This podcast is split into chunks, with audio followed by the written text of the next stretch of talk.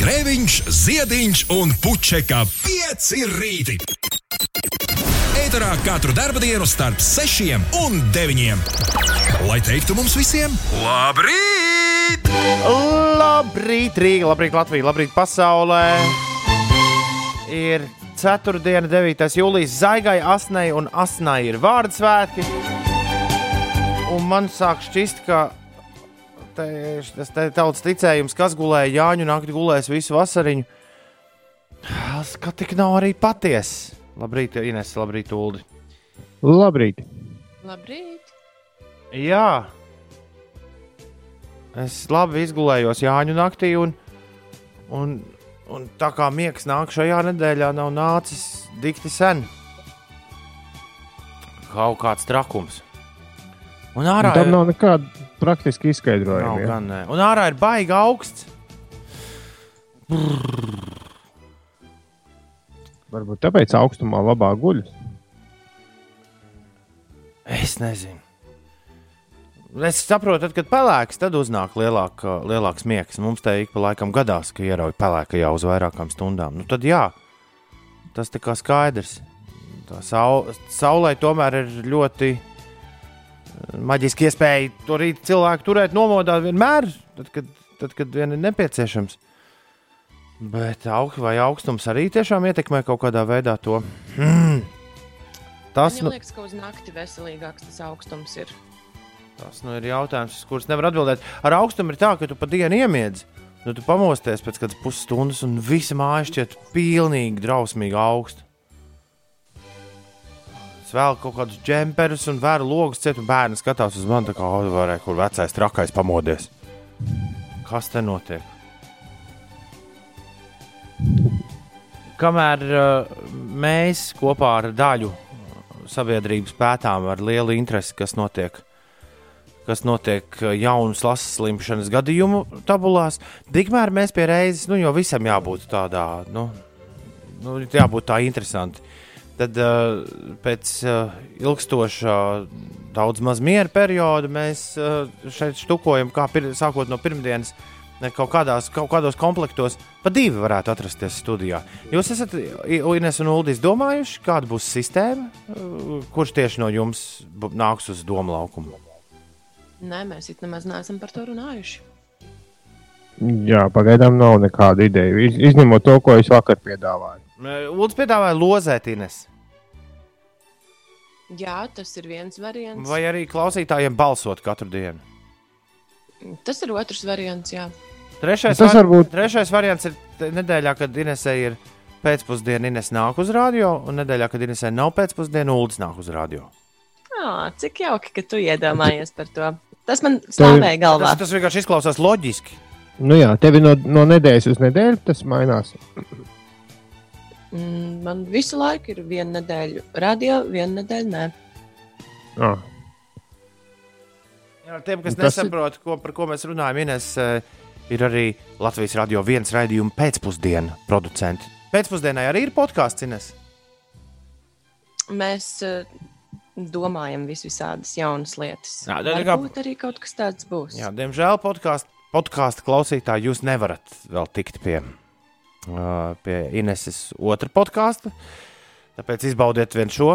Bet, bet jā, Inesē ir jāstrādā radio reizi divās nedēļās tā pamatīgāk, gan no rīta, gan vakarā. Un es piedāvāju, ka tad, kad Inesē jāstrādā gan no rīta, gan vakarā, tad Ines kā atnāk uz radio, tad arī paliek visu dienu radio. nu, tas izklausās loģiski. Ja vien tev Ines nav tā kā man ar uh, radio un ar Big Bandu, kas arī notiek radio, ka reizēm ir īpaši vasarā ir ļoti forši, ka tev ir. Nu, tas nekas, ka jāstrādā katru dienu, bet ka tev jāstrādā ir nu, nevis visu dienu, bet ka tev vismaz pusi dienas ir brīva. Nu, nē, ja man ir tikai rīti, tad ir tikai rīti, bet, ja man ir uh, arī pēcpusdiena, tad es uh, iepriekš, nu jau gandrīz pirms pusgada, es uh, tā arī darīju, ka esmu sešos no rīta darbā un sešos vakarā esmu mājās.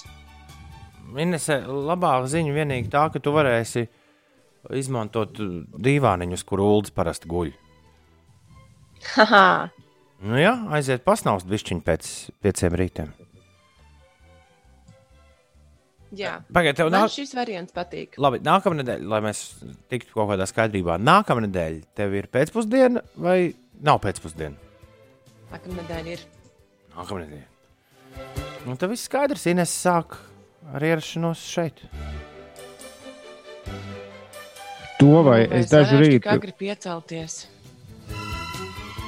Tev tiešām tik ļoti atšķiras ce- celšanās. Ah, tev atšķiras, jā. Pareizi, tu stāstīji, ka tu mēdz. Jā, mm, nu neko. Ko lai dara? Jā. Bet domā par to, ka tu pēc tam varēsi atkal nedēļu. Kā Uz tā dīvāniņa gulēt. Nē, nu pie kaut kādas kārtības ir jāatgriežas. Jā. Citādi tā visatļautība vismaz manos rītos mēdz valdīt. Jā. Es skatos visu, visu rītu, jā, kopš mēs esam pieslēguši mikrofonus. Es skatos uz ziņu par to, ka Covid-19 konstatēja Latvijas Futbola Federācijas kongresa dalībniekiem.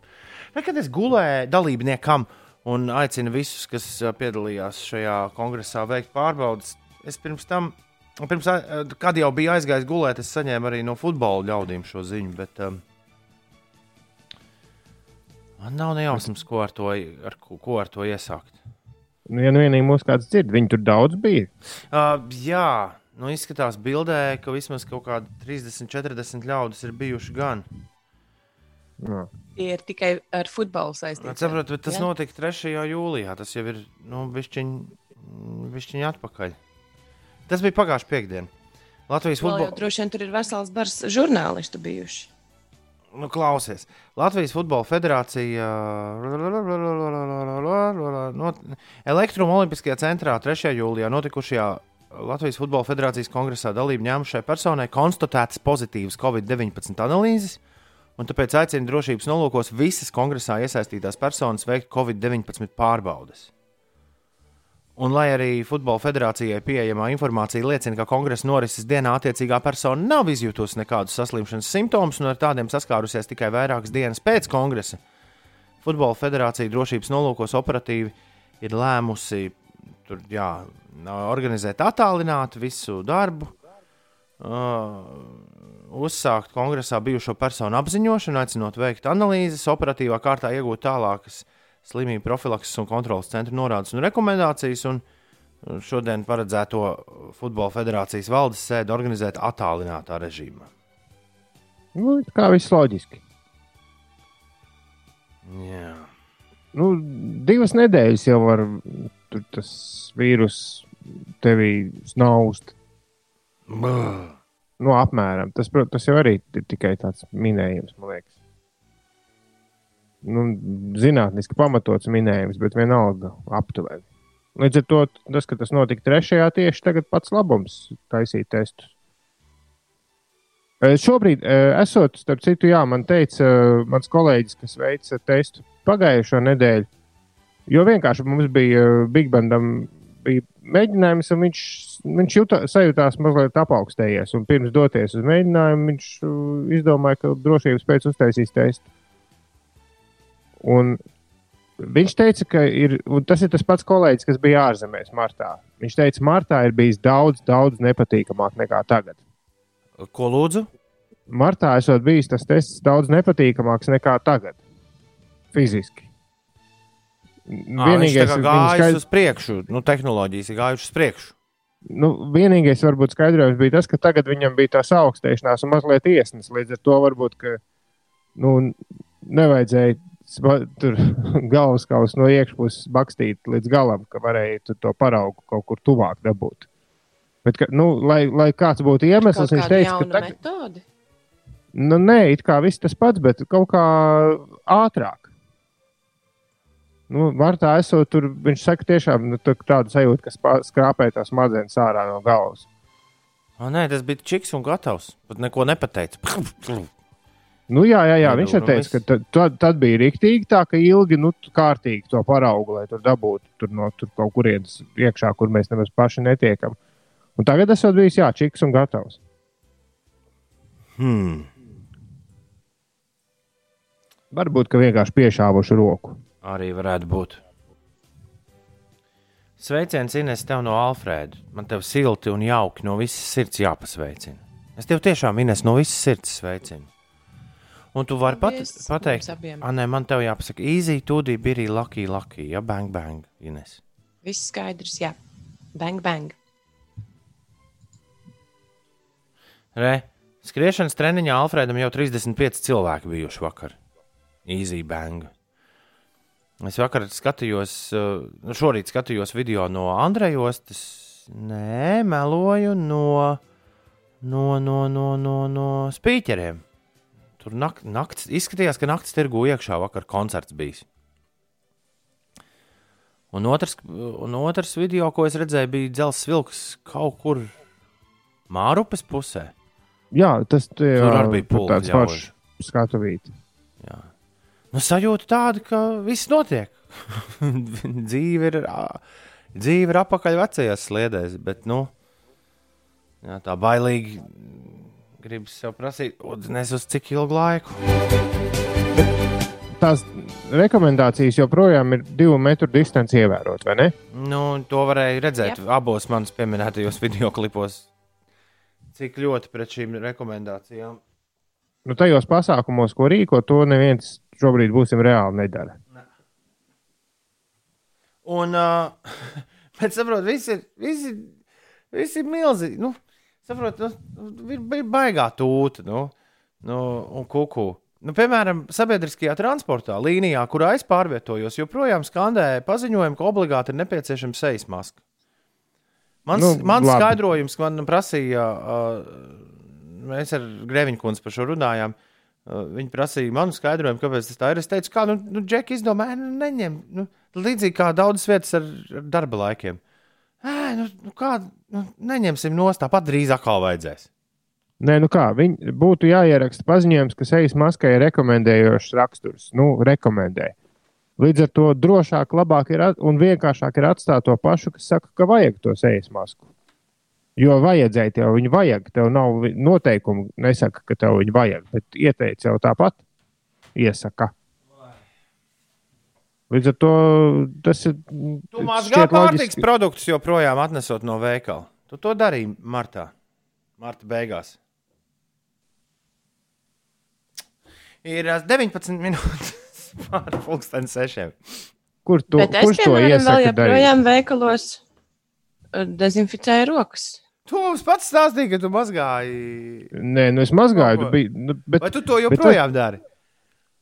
nu nē. Kāpēc? Nu, A, izņemot kāpēc? tos produktus, kas ir uh, dārzeņi un tam līdzīgi. Es mazgāju rokas un dezinficēju. Ines, ko tu gribēji teikt? Es saku, es, uh, es esmu jau tik ļoti pieradusi pie tiem dezinfekcijas līdzekļiem, ka ieejot un izejot no veikala, tas jau ir kļuvis automātiski. Tas ir atsvaidzinoši. Ja, ir- ja ir silts, tad patiesībā tas ir pat ir atsvaidzinoši. Es esmu at atklājis to, ka tā ir, tas ir arī veids, kā sevi atsvaidzināt bišķiņu. Nē, bet nu, kāds saka ar sejas maskām, ar produktu mazgāšanu? Es saku vienkārši, ka uh, SPKC jau joprojām rekomendē, un visur arī pasaulē tās sejas maskas pasākumos, uh, iekštelpās vai sabiedriskajā transportā ir uh, ieteicams. Ne jau tāpēc, ka tev vajadzētu kaut kādiem noteikumiem sekot, bet tāpēc, ka vienkārši tas ir labāk nekā nevalkāt, drošāk. Jo viss jau ir stāsts ir tikai par to, ka viens no tiem septiņiem, vai 15 vai 10 saslimušajiem trāpīsies tajā pašā vagonā, kur tu. Iespēja ir nu, nenormāli minimāla, ka tā notiks Latvijā. Citās valstīs stipri lielāka. Latvijā ir ļoti minimāla iespēja, bet, bet iespēja ir.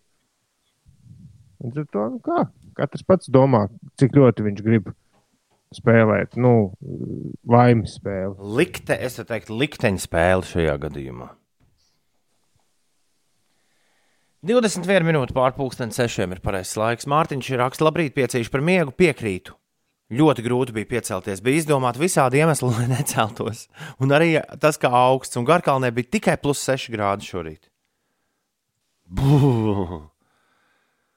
Loks, prasa Līvs. Viss loks visu nakti vaļā, kā laida ar vārti. Pat zosādi nav uzmetusies. Šis ir pareizais laiks, vēss un nedaudz lietutiņš. Tev tā sāla ir sabojājusi, Līva. Manu miegu ietekmē negaisa tūms, raksta Dīdzis. Varbūt arī tev tom ietekmē mākoņu un atmosfēras spiediens. Nu, es pirms kādām divām nedēļām vairāk jūtu, ka mans, uh, mans laustais elkonis prognozēja laika apstākļus. Daktere, pie kuras es biju, teica, ka nu, drīz beigsies. Tas nesot uz ilgu laiku.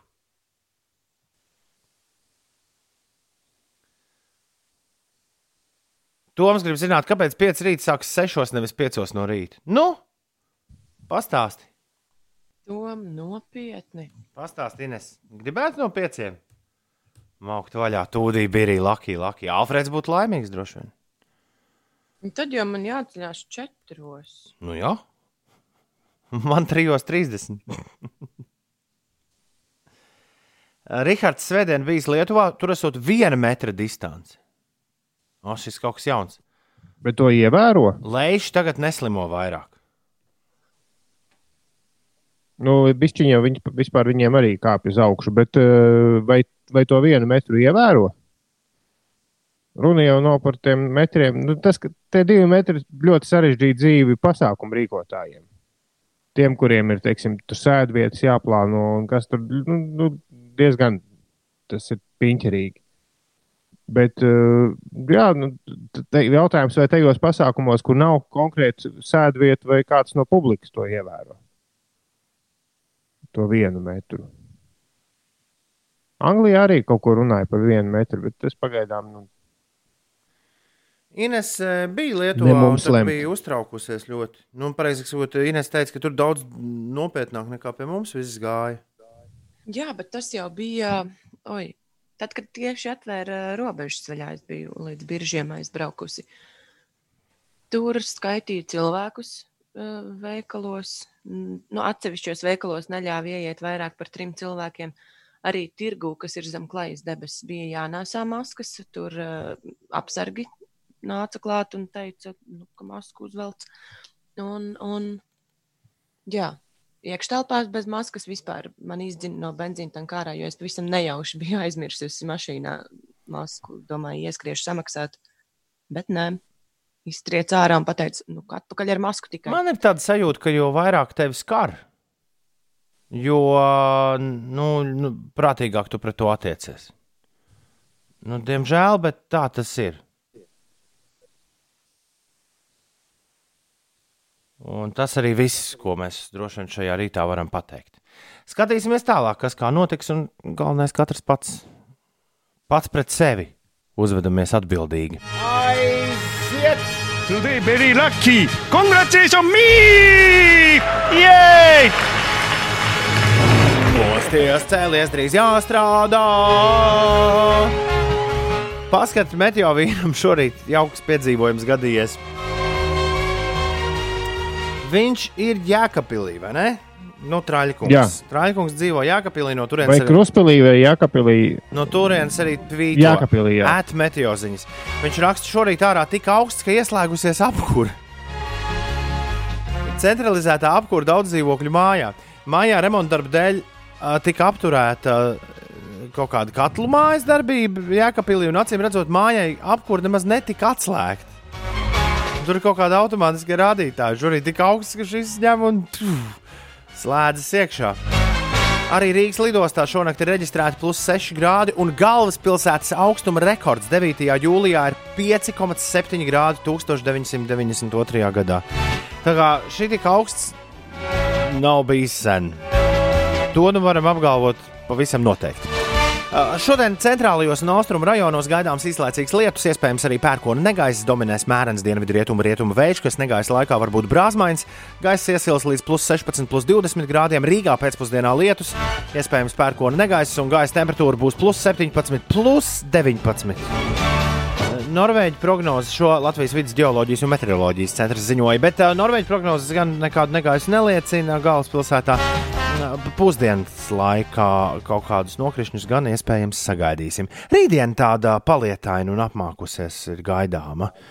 Tā tiek uh, prognozēts, un uh, sestdien Sestdiena, svētdiena bez nokrišņiem, ar zināmu saules piedevu, bet nu, vairāk par plus 19, plus 18 grādiem galvaspilsētā arī nebūs. Toties nākamā nedēļa pagaidām rādās saulaina, patīkama un forša, pat līdz plus 21 aizkāps. Un tas jau izklausās tikti labi.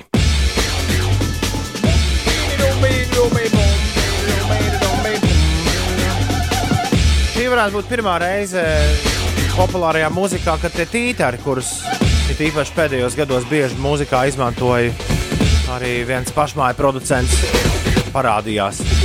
Tur ir Inês, tie, kas tur taisa. Tur... Rekur dzirdēt. Ir tītari. Tie ir tītari. Tā viņi ieradās populārajā mūzikā uz palikšanu ar The Prodigy un Firestarter.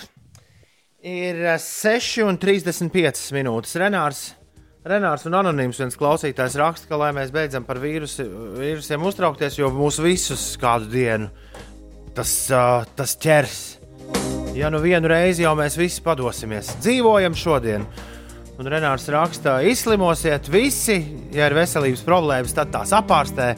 Jo labāka veselība, jo lielāka iespēja izslimot viegli, pat bez simptomiem. Nu, tā, cik tur 5% iespējamība vispār neizslimot, bet uh, nu, tā, tā, tas ir tas, kas. Tas, ar ko bišķi, nu, jā, gamblot negribas. Kāds ir latviskais vārds gamblot? Es ar pirmīt nevarēju izdomāt. Nu, spēlēt laimes spēli. Jā, jā, jā. loterija uzspēlēt. bišķiņ. Klausies, klausies, Ulu, un jūras prasa, vai jā, noha bija jau šorīt. šorīt vēl ne, ir laiks.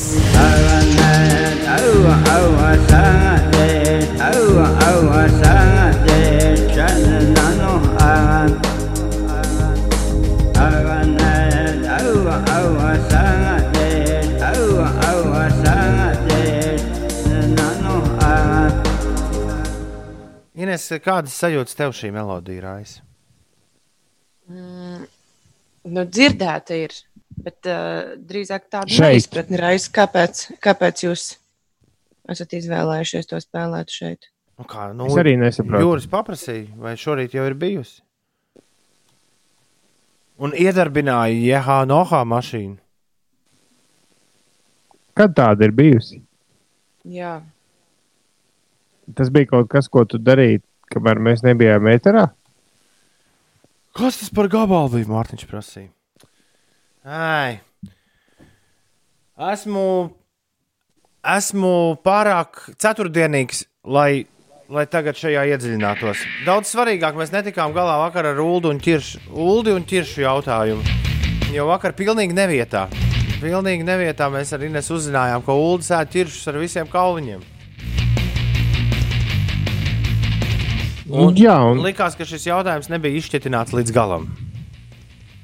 Jā, un ēdu nu, nevienmēr jāatzīst. Jo es, es pats pēc tam padomāju, ka es taču tikko kā jubilejā, māsas meitas jubilejā. Ah, jā, Hadī. Nu, Viņas neraksta, kamēr mēs runājam. Kas Nē, tev notiek? Nē, nē, es Ines, uh, Ines māsas meitas, savas māsas meitas jubilejā ēdu ķiršus un spļāvu kauliņus uh, bļodiņā. Jo bija bļodiņi speciāli kauliņiem. Līdz ar to tas nav tā, ka vienmēr. Bet ļoti daudz es esmu ķiršus savā laikā. It īpaši tos, kuriem tādi, kuri tādi forši lieli apēdis ar visiem kauliņiem. sanāk, Līdzīgi kā ka es- es nekožļā. Nē, Nu, tad droši vien pastāst par savu vēdera izēju. Tur ar to viss kārtībā. jā. Paga, paga. Nu kā, vai tad var sakožļāt ķirsi, ja tev vēl kaut kas tāds ciets mm, pa muti maisās? Tev nav vēl salauzts zobu kādu? Nu, nē, nu es nekošu tajā kauliņā. Tu Nu, to grūti izsūc. izstāstīt. Tu, tu ieliec, kā, tu ieliec, es, es apmēram iedomājos, Ines, tu, iedomā, tu ieliec kauliņu mutē. Tas ir, tu ieliec ķirsi mutē. Tu izsūc kauliņu, tu viņu noglabā, teiksim, tā kā bebers sev. Nē, es neko tik kreisajā- sarežģītu vaigā, Un tad tu izgaršo, izgaršo ķirsīti. Bet kā? Bet, uh, nu, Var taču izspļaut ūdeni. Tev bērnībā Bet ko- neteica, ka tev izaugs tiršu koks vēdā. Man tā teica. Teica, jā, teica. Man liekas, ka teica. Varbūt tev tur ir jau Bet- tāds maziņš dārziņš, kad tu biji pie rengena pēdējo reizi. Jā, bet es un ātri sapratu, ka tās ir jā. Un uh, nu, viss, kas jāzina, ir par to par tieši nā- turpmāko likteni, ka es par to neko nezinu. Man liekas, ka tas arī ir svarīgākais. Nu, nezināt par to neko. Bet, iedo- es vienkārši iedomājos, kāda ir čūpiņa. Ja tu pieveic uh, kilogramu ķiršu, Bet tev ir kāda, kāda, ar kādu čūpiņu tam tavam Nu, es ne, ne, nu, kilogramu ķiršu nē. Trombonistam, Es- uh, nu, tam vēderam jātiek galā, ārprāt. Nē, nē, nē. Es runāju par, uh, ja tu ej kilogramu ķiršu, tad tev ir bludiņš vai maisiņš vai kaut kas, kur izspļaut tās kauliņas. Bet, ja tu kaut kur pagrābi saujiņu vai ko, nu tad, a, ko tad? Līdzīgi kā arbūzs sēkliņš, es nekad nespļauju ārā arbūzs. Tās gan es nekad nespļauju ārā. Nu, Ar tām es arī grēkoju ik pa laikam. Tev ir izoperēts apendicīts. Nē, Kāds tam apendicītam sakars ar šito? Man liekas, ka tas ir tas uh, zārnas piedēklis, kurā sakrājās visādas tādas lietas, kas īsti nav sadalāmas. Un tad, ā, tad, tad kad izoperēs, izoperēs tad tur ārsts attaisīs, teiks, ziediņš, kungs, re, kur jums te ir pāris monētiņas, ā, metamais kauliņš. Ā, Diezgan padaudz tirsīši, arbūziņi, re, kur ieķērušies. Re, kur arī ķīmenī, A- ķīmenītis. apendicīts ir slimība. Apendiks ir uh, tas, kur, kur var iemesties. Apendicīts. Nu, tas, jā, droši vien tas ir tas zinātniskais nosaukums. Nu, Tā tautas valodā tā ir aklā zārna. Nu, atceries šo, tu, tu, tu. Atceries pagaidām to uh, dīvaino lietu, ko doktori medicīnas pārbaudēs saka, ka tos, tos kur ceļš naktas vidū, veselīgāks cilvēks par tiem redzējuši nav. Tā saka droši vien tikai tev. Kā tev var tā teikt iepriekšējā reizē? Katru reizi trijos gados jāiet, vai, vai piecos neatceros. Jā, bet svarīgākais par šiem te ķiršu kauliņiem. Es pēc tam metu, vakar metos pētīt, es nezinu, ko tur dara apendiks īsti. Jo man likās, ka apendiks ir līdzīgi kā kājas mazais pirkstiņš, ir kaut kas tāds, kuram no orgāns cilvēkā, kuram vairs nav, kurš ir zaudējis savu jēgu. Nu, kurš ir palicis no seniem laikiem un šobrīd tikai, nu, principā aizņem vietu.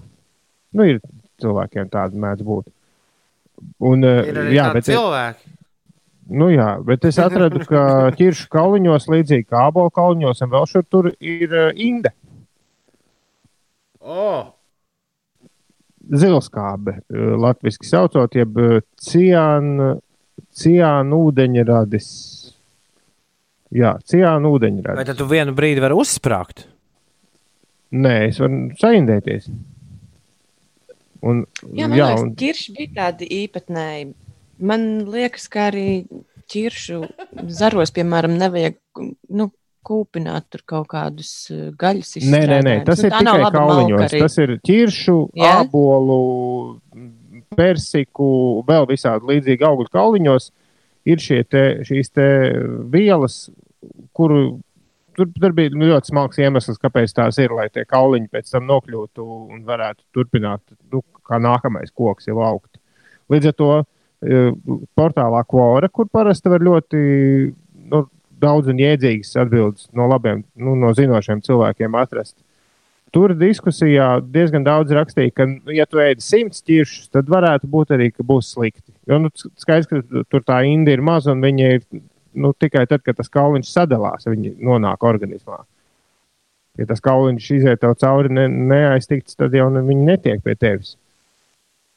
Beig, beigās Nevajag, nevajag tad mēģināt tos kauliņus pārkost. Ja? Nu, ja? to, to gan ne, ne, ne, nevajag. Bet nu, arī tad tev ir vajadzīgs ļoti, ļoti liels daudzums kauliņu. Līdz pat tu viens, viens, viens puisis ir izreikinājis, ja tu apēdīsi pat apmēram simts, tad vienalga nekas tev nenotiks. Ja vairāk, tad varbūt, nu, ja tev vārks, vārks organisms, tad varbūt tu varētu nokļūt arī mm, slimnīcā. Es šo nezināju, ēdot tieši kauliņus. Tagad es katru reizi domāšu, ka es mazliet ēdu indi. Tu nedaudz smurfu šito te. ar, uh, es neteikšu, ar ko, ar kādu smurfīgu šķidrumu. Sevi priecini. Uldim vēdā rūķīs šķiro visu, raksta Mārtiņš. Tā kā cilvēka plasmasu, stiklu un tā tālāk. Ļoti iespējams. Tikai uh, ulu rūtīši visticamāk izstāsta pēc kaķīšiem.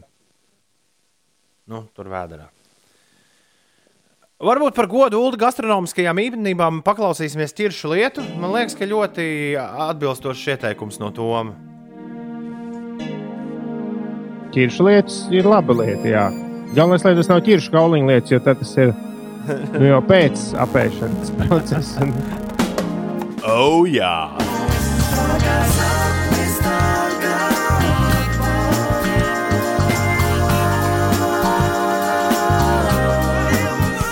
Trīs episkas parādības pašmāju aizstrādē. Pusulis, grīva un bumbieris. Kafē. Nē, bumbieris tur nebija. Kā nebija? Nē, tur bija. Kā tā, viņu kur tā sauc? bumbieris? Juris Merkulovs šeit bija. Kāpēc man likās, ka bumbieris bija? Bumbieris bija kaut kādā citā puikas grupā. Laiku uz, uzgooglēju bumbieris uzreiz jau, protams. Man tikai bumbieris rāda. Latē bija bumbieris. Ar Mārtiņu Ruski, starp citu. Kafē, latē. Ārprāt. Kas tas ir? Vai tad Nu kā, Ines, nu- tu pat uzzināji, ka Rusks ir bijis grupā. nosaukumu? Kā, nu, bija producents, ir joprojām ir producents Juris Millers. Viņš taisīja puikas grupas. Viņam bija grupa kafē ar busuli un grīvu un Juri Merkulovu, kurš šobrīd vairs nedzied, bet spēlēja saksofonu, nezinu, ko dara šobrīd. Un pēc tam, krietni vēlāk, viņam bija grupa Latē, nu, kafē Latē. Un pēc tam kapučīno Es ar soju, sojas pienu. un espreso. vai Melnā. Es- Espreso būtu ļoti labs tāds divu dāmu dots. 6,49 suldī. Tu tagad paklus. Ines, pastāsti, kas notiek. Es domāju, ka tu Uldim Jo man prasīs. arī pašam likās, ka tā būs. Bet nē, nē, Ines, tu pastāsti mums, kas notiek. Labi. Armija no šodienas vairs neplāno turpināt kopā ar robežsargiem piedalīties patruļās uz valsts austrumu robežas. Rundāles pilsētas muzeja teritorijā zemesardzes mācību laikā, kas notiks šodien un rīt, eh, pārmeklēs teritoriju, kur iepriekš tika uzieti divi nesprāguši kara laika lādiņi. Un uh, turpinot cīņu pret invazīvo Tatārijas salātu, šodien rīta buļļu pludmalē notiks iniciatīvas Daru labu dabai talka, ko rīko Dabas aizsardzības pārvalde un Pasaules dabas fonds. Dabas parka piejūra kāpu zonā ekspertu pavadībā interesanti ir aicināti šodien kopīgiem spēkiem ierobežot Tatārijas salāta izplatību un līdzdarboties piejūras ekosistēmu saglabāšanā. Par ārzemēm ASV prezidents Donalds Trumps ir apņēmies panākt skolu atkal atvēršanu, neraugoties uz bažām par covid-19. Un vakar draudēja apturēt federālo finansējumu mācību apgabaliem, kuros esošās skolas rudenī netiktu atvērtas. Par laikapstākļiem pie mums šodien valsts lielākajā daļā gaidāms īslaicīgs lietus, vietām pērkona lietus, gāzes, iespējams arī krusta. Gaisa temperatūra plus 16, plus 21 grāds. Tatārijas salāts. Jā, it kā izskatās Cik var, tāds diezgan, cik var grieķu salāts diezgan mīlīgs. Nu, kādas grieķu salātus? Jā, it kā izskatās tāds diezgan mīlīgs ar eh, violetiem ziediņiem, zied, bet eh, tas ļoti strauji izplatās un izplatās tieši piekrastē, vietās, eh, nu, kur būtu bijis jāaug tiem augiem, kam dabiski būtu mūsu kāpās jāaug. Nu, Tāpēc Viņš no ir ēdams, tas salāta- tatārijas salāts. Nu, nē. Tā to Ines, vai, sauc. vai tu zini, kā sauc uh, uzvārdā dabas aizsardzības pārvaldes pārstāvi, kas informēja par šo te talku pret Tatārijas salātu? Zinu gan Agnese Balandiņa. Ir uh, Zini, kas ir balandiņi, vai Ir ne? Man liekas, seši- ļoti, 6 un 5. Oldi, es to zinu tiešām. Ļoti forši, ka cilvēks ar uzvārdu ir atradis sev īsto. Beidziet mēģināties. 6,52 ir pareizais laiks. Tagad uh, būs bēdīgi slaveno mērgļu spēle. Es pametīšu studiju, Ulus un Ines izdomās, kas es esmu. Tad es atgriezīšos studijā un es minēšu, kas es esmu. trīs minūšu laikā. Es to neuzminēšu, būšu rīktīgi noskaities un uzlikšu slipnotu. Tāds ir plāns. Uh, ja viss notiks ātri, es pametu studiju tagad.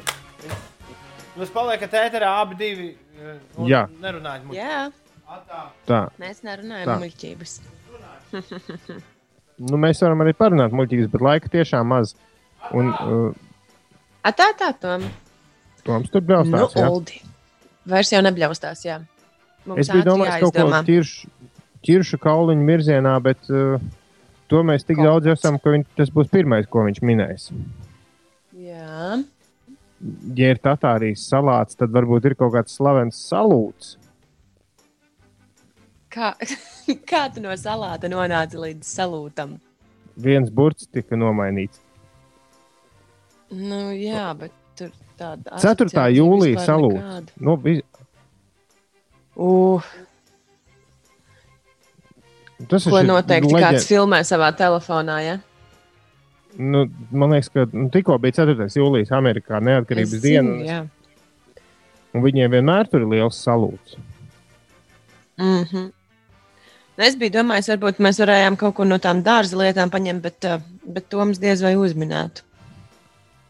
Ko tad kaut Kādu lakšus vai Usne vai kaut kas tamlīdzīgs. Vībotnes, dārza ravētāja. Man šķiet, ka viņam varētu būt, ka Rīgas puikam ar šo ir maz saskarsme bijusi. Man jau ar tādas aizdomas ir. Nu, labi, lai jau iet, tad tas salūts. Nu, no Tatārijas salūta, salāta mēs tikām pie slavena salūta, un slavenākais salūts, kas ir bijis nesen, ir 4. jūlijas salūts. Okay. Ja? Jā, lai iet. Am, nu, Amerikā, vai arī citur, kaut kur vēstniecībās, vai kur Latvijā ir kaut Vai kur tad šāva. kaut kur citur arī šāva gaisā? Nu, vēstniecībās, un kur, kur kad amerikāņi dzīvo, viņi jau šaudās. Labi, es saucu to atpakaļ. Pats gan atpakaļ, jā. Yeah, yeah, yeah. I say, hey!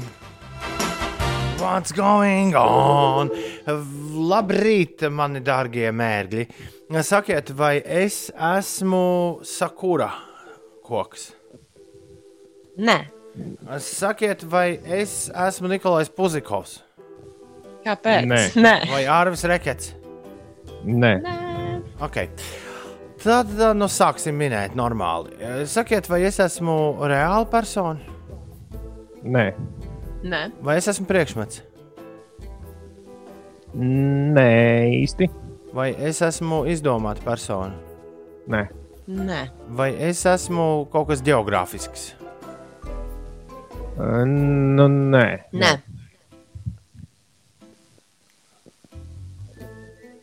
vai es esmu mūzikas instruments, Nē. Vai es esmu laika apstākļi, nu, kaut, kādas, uh, kaut kāda laika apstākļi, Nē. ja es neesmu priekšmets un neesmu cilvēks, es neesmu. Es par to Nē. priekšmetu īstenībā mazliet apdomājos. Kaut kādā brīdī jau tas ir priekšmets. Jā,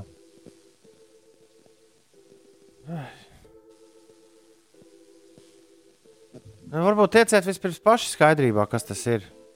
Nē, nu ļoti Mēs grūti, jo tas zinām. nav taustāms.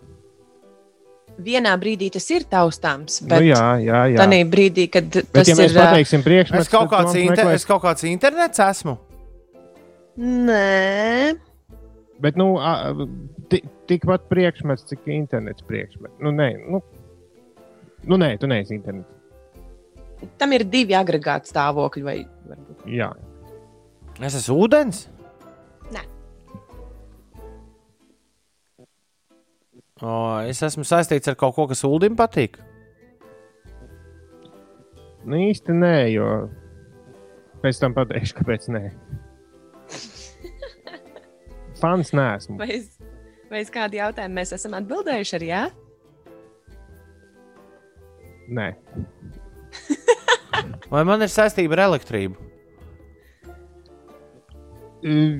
Jā netieši ir. Ar siltumapgādi? Arī vēl siltāks, bet arī netieši ļoti. Ar apgādi nē. Vai es esmu saule? Vai man ir kaut kāda saistība ar saules enerģiju? Tā saules enerģija, Mm. nē, bet. Nē. bet Ar nu, gaismu? sil- Ar gaismu? Stil... Jā, Ar gaismu man ir kaut kāda saistība. jā.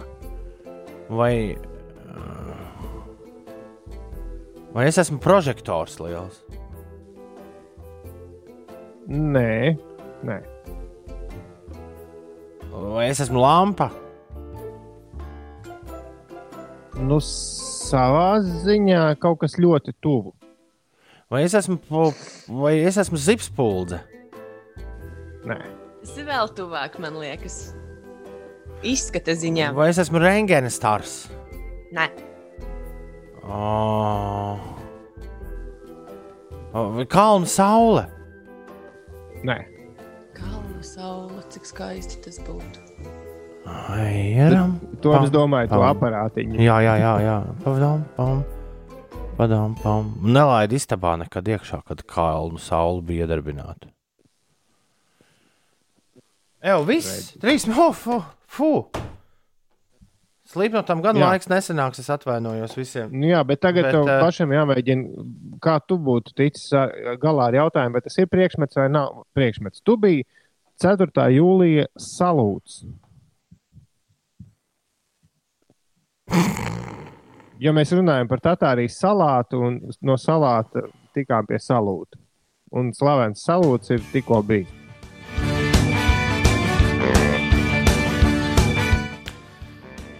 Ai, Kaut kādā brīdī tas ir priekšmets, Inesai taisnība.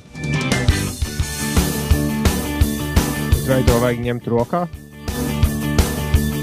Bet ir cilvēki, kas to ņem rokā un kas ar to tiek galā, lai par Jā, es esmu redzējis. redzētu gaismiņus.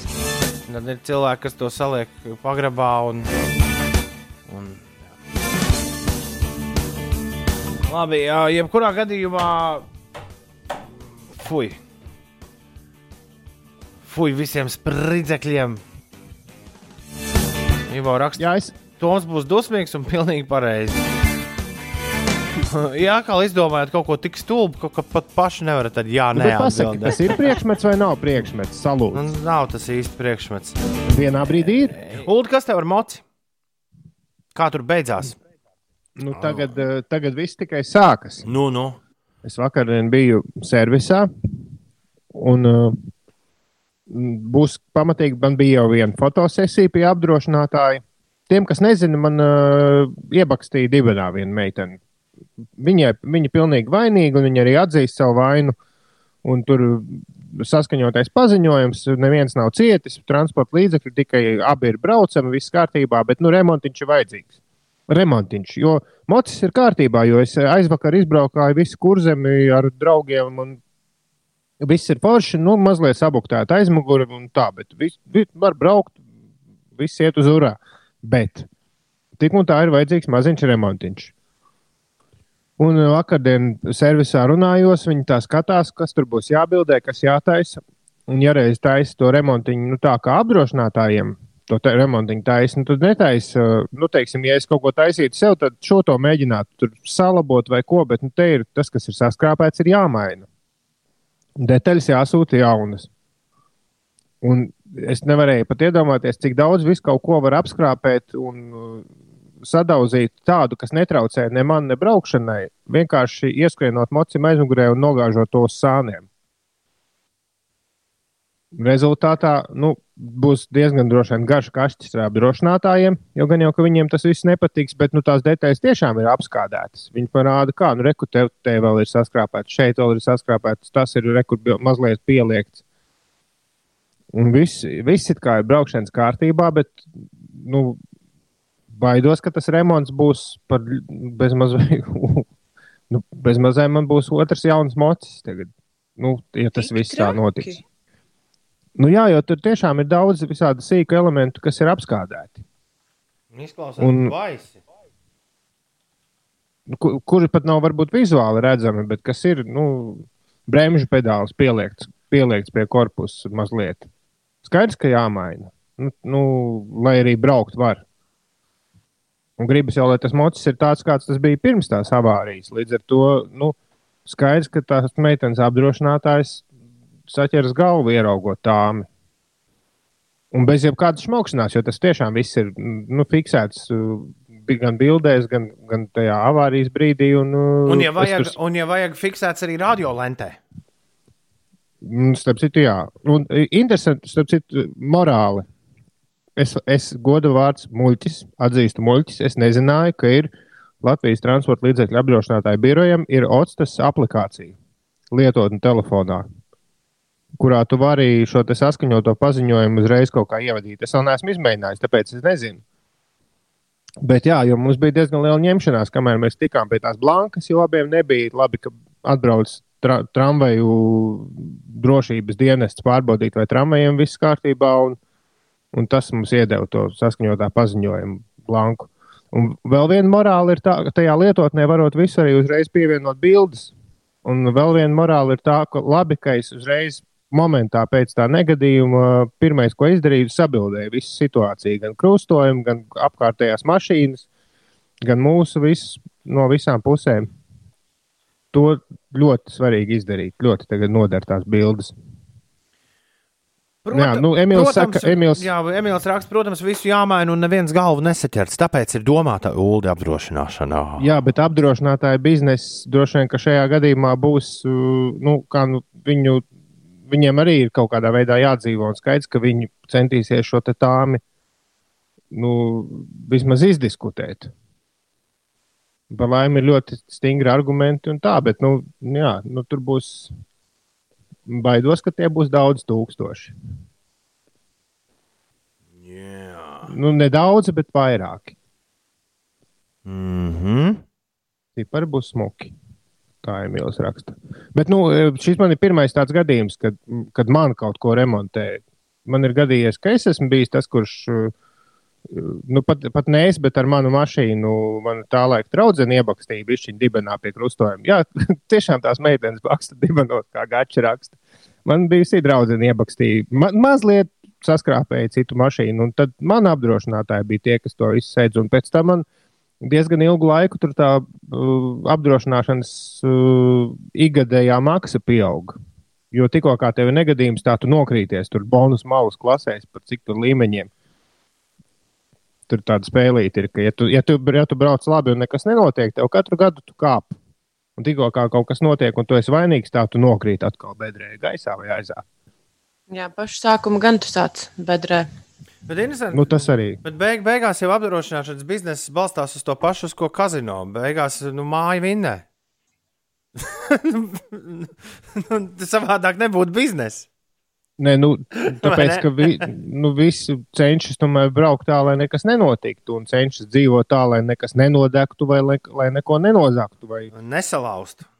nesalaustu. Jā, lielos vilcienos, jā. Bet tad gadās kaut kāds uh, viesuļvētra Amerikā. Jā, Emīls raksta, viņi strādā ar vairāku miljonu peļņu. Viņi tikai salīdzinās detaļu cenas ar dīleru un viss.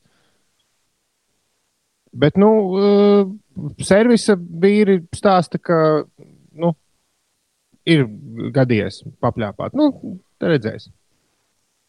Gad, gal galā esmu drošs, ka tu ziņos par to, kā, kas un Es kā tur noteikti ziņošu, kas un kā iet. Un, un es domāju, ka es ne jau nesaukšu ne apdrošinātājs, ne summas, bet man pašam ļoti interesē, kā tas beigsies. Un, uh, diemžēl tas process aizņems vairākus mēnešus. Tas gan, kamēr viss tur salīdzinās un pasūtīs. Kraps Reinis Ines raksta, ka šo vajag kā pastāvīgi rubriku Uldis un Ines to mums skaidro lietas, kuras visi citi jau tāpat zina. Bet varbūt ir cilvēki, kas nezina, kuriem nav Mūs nekāda klausās- darīšana bijusi ar transportiem. Bet Jā, es mūs Uldi, klausās skolēni. Tev Jā. varu pateikt, ka, nu labi, tu, tu droši vien tā nedarīji. Tu droši vien biji pilnīgi godīgs eh, motobraucējs. Bet ir daži labi motobraucēji, tādi, kas nu, tik ļoti kaitina. Braucot pa Rīgas ielām, kas pie krustojuma apbrauc visas mašīnas pie sarkanās gaismas un nostājās pašā priekšā Mm. vai lien starp uh, rindām. Un pēc tam, kad sanāk kāda ķībele, tad paši dusmojās. Man, li, man tikko likās, ka es dzirdu Tomu žāvu. Nē, bet nē, nē Inese- tas tikai likās. Tev likās. Ah, Jā, Ines, uh, šīs divas, nē, tas, ka ir pilns ar uh, dūmiķiem visās, uh, gan tie velosipēdisti, kas brauc pie sarkanajām gaismām, gan, uh, gan ir visādi dunduka autobraucēji, kurus mēs redzam ikdienā, gan arī motociklisti. Tur ir, ves, ir milzīga kaudze, ir gan tie, kas vizinās vienos naktī pa brīvības ielu virs 100 km/h, ko es dzirdu šeit pat pusotru kvartālu tālāk. Un, nu, visur ir pa kādam dumiķim. Ir īpaši tie, kas tagad brauc mazos šortiņos. Bet tu, tās abas tās lietas, ko tu minēji, pabrauc garām vai, vai izlien cauri rindām. Uh, nu, kāda motobraucēja uh, plus ir tas, ka viņš un, vis, un, un veids, kā braukt visdrošāk, ir būt pirmajam prom no visām mašīnām. Un tas uzrāviens ir tāds, ka pat nepārkāpjot tos 50 km/h pilsētā, tu vari ļoti ātri uzņemt tos 50, un mašīnas vēl knapi ir sākušas kustēties. Ko tu, ko, tu, to, ko tu ar to gribi teikt? Ka tāpēc tas, tev ir jābūt ši... pirmajam. Moto, motociklists, kurš, kurš izlien starp rindām un apstājas pirmais krustojumā un aizbrauc projām, ir daudz drošāks gan sev, gan visiem pārējiem nekā motociklists, kurš tur kaut kur nu, pa vidu. Ines, pasties, kā tev nolika vienkārši vienu, vienu no svārstos. Varbūt nevajag to, tad vispār pilsētām braukāties. Es, es to šitā neatstātu. Nē, tas, ka, tas, ka nevajag braukt pretējā joslā, veicot šo manevru, tas gan ir, nu, tā ir noteikuma pārkāpums. Ja tu pārbrauc dubultu līniju, brauc visiem garām pa pretējo joslu, tas ir, nu, tā nevajadzētu darīt. Bet uh, mocis drīkst pēc noteikumiem līst pa vidu starp tām rindām sastrēgumā. Nu, līst varbūt nav pareizākais, bet to, to arī skolā mācīja.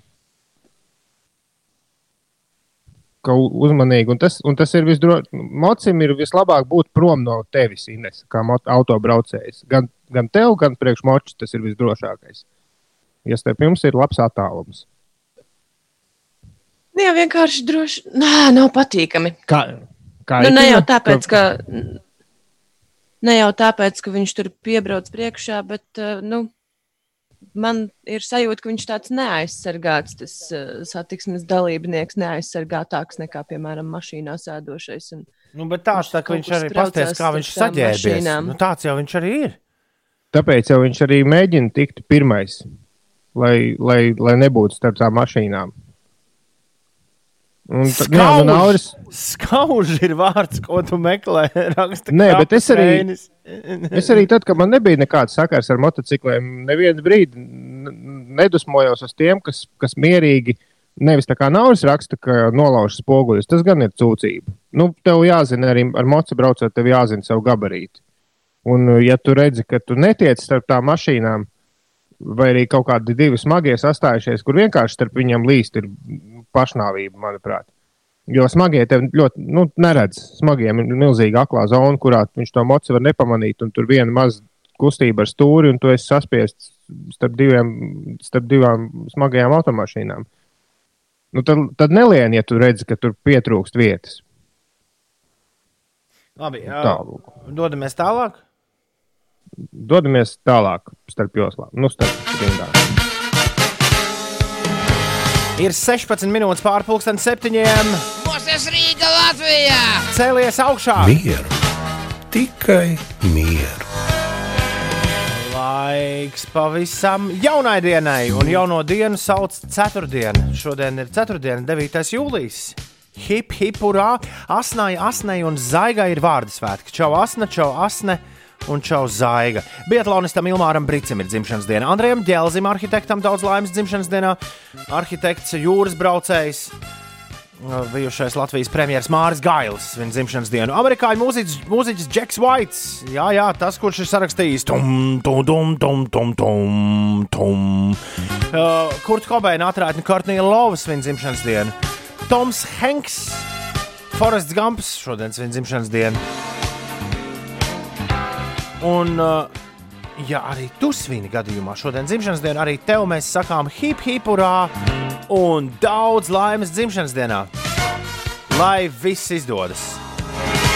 Gunčās viņa dzimšanas diena. Pāvilos tā šodien zina nādzienu. Oh.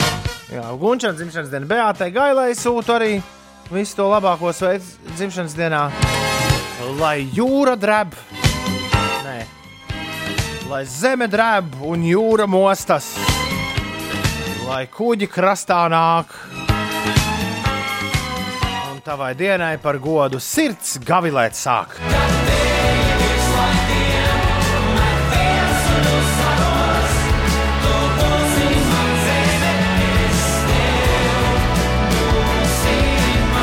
Ines, kādā, kādā saviesīgā pasākumā, piemēram, dziesmu svētkos, ir ļoti labs. Uh, labi, dziesmu svētkos šis būtu patieši, bet. Uh, Nu, vienalga, kādā uh, saviesīgā pasākumā ļoti labs veids, kā iepazīties. Teikt, dāmai, Piemēram. teikt, teikt, dāmai, tu būsi man zeme, es būšu tavs karoks. Ko tu par to saki? Nezinu. 7,25. Tie bija soundpērts. Tu nevari izdomāt, ko tu atbildētu šādam aicinājumam. Jā, nu kā, nu kurš eh, ko saprot? Tā, ā, Klau, visu uzmanību. Tagad tev jāpastāsta, kas notiek. Notiek nelieli sastrēgumi visur, kur uh, A8. Kā jau ierasts no rīta sastrēdzis uz uh, aptuveni 20 minūtēm, tas ir uh, Jēlgavas ceļš uz Rīgu, posms Dalba jaunolaina braucot Rīgas virzienā. Par Rīgas ielām uh, Baltika Maps ziņo, ka nu, šobrīd sastrēgumi praktiski, praktiski nav nekur. Tā kā visi autovadītāji var būt diezgan priecīgi šajā brīdī. Valsts lielākajā daļā gaidāms īslaicīgs lietus, vietām pērkona lietus, gāzes, iespējams arī krusta. Tā prognozē sinoptiķi par šodienu. Nokrišņu mākoņi neveidosies kurzemes rietumos. Spīdot saulē, gaiss iesils līdz plus 16, plus 21 grādam. Pūtīs lēns līdz mērens rietumu vējš, negaisa laikā. Tas vietām pastiprināsies brāzmās līdz 15 metriem sekundē. Rīgā iespējams īslaicīgs lietus un pērkona negaiss, un starp mākoņiem spīdēs saule un gaisa temperatūra sasniegs plus 20 grādu atzīmi. ASV prezidents Donalds Trumps ir apņēmies panākt skolu atkal atvēršanu. Neraugoties uz bažām par covid-19, viņš ir arī draudējis apturēt federālo finansējumu mācību apgabaliem, kuros esošās skolas rudenī netiktu atvērtas. Bet par pašmājām Armija no šodienas vairs neplāno turpināt kopā ar robežsargiem piedalīties patruļās uz valsts austrumu robežas. Oi! Pilnīgi nobijos no tā, cik tu spēji izbeidz stāstīt par to, kas notiek. Uh, labāk Džēdžers raksta par pick-up line, nu par to karogu esot. Vai tev vecāki ir teroristi? Kāpēc? Jo tu esi baigā bomba. Mm, nē. Paliksim pie karoga. Septiņi. Septiņi. Tu būsi man zemē, es būšu tavs karogs. Mazā, ko tu saki? Tas viss izklausās diezgan. Nu, te, nepareizi. nu, teiksim tā, ja tu būsi tā zeme, un es būšu tavs karogs. Teiksim tā, Man to nevajag. Nu, kāpēc tu uzreiz teiksim tā? Nu, tas visādi var. Hugo ziņu mēs nekomentēsim. Uh, ko Hugo raksta? Nu, tu gribi, Hugo... Es cerēju, ka mēs beigsim šodien runāt par satiksmes noteikumiem. Nu, jā, bet kāds ir rakstīja, ka ļoti forši pēc prodigijas, kam ķiršu lietas, tad satiksmes noteikumu lekcija, kurā radiostacijā vēl tā notiek. Hugo īziņ atkal apstādina šo raidījumu uz minūtēm trijām. Uldi! 99% motobraucēji pārkāpj noteikumus un visus, un nekas nav kaitinošāks par viņiem. Man ir, Ir tikai gan. viens, Ir. ir gan. Nē, man ir tikai viens komentārs. Vajag nolikt mototiesības. Un braukt ar motociklu, ar mašīnu un ar velosipēdu. Ļoti lieliski uh, uzlabo kultūru visās šajās braukšanas jomās, jo tu saproti visus, gan autobraucējus, gan motobraucējus, un nu, nepārkāp 99%. Hugo vienkārši Es tu domāju, pats. Jā, vajag pašam nolikt tiesības, un tad jau viss būs kārtībā. Un tad sapratīs, un sapratīs, ka nemaz tā nav. Vispār katram velobraucējam, kas brauc pa Rīgas ielām, darētu vismaz palasīt ceļu satiksmes noteikumus. Ir daudz pieauguši cilvēki, kuri nu, tos nav redzējuši. Jā, un arī autobraucēji, kas brauc pie sarkanajiem regulāri. Jā, līdz ar to nē, tā ī- es gribēju ļoti īsi. Ļoti laba morāla. Noliec A kategoriju, B kategoriju, nu, varbūt arī C, ja tev galīgi nu, tiešām gribas nu, tā riktīgi ieiet tajā lietā dziļi. Un tad tu sapratīsi visus. Un tad visi būs draugi. Daudz vairāk tuvosies tai absolūtajai nirvānai. Nu, tagad tu saproti, kas te apkārt notiek.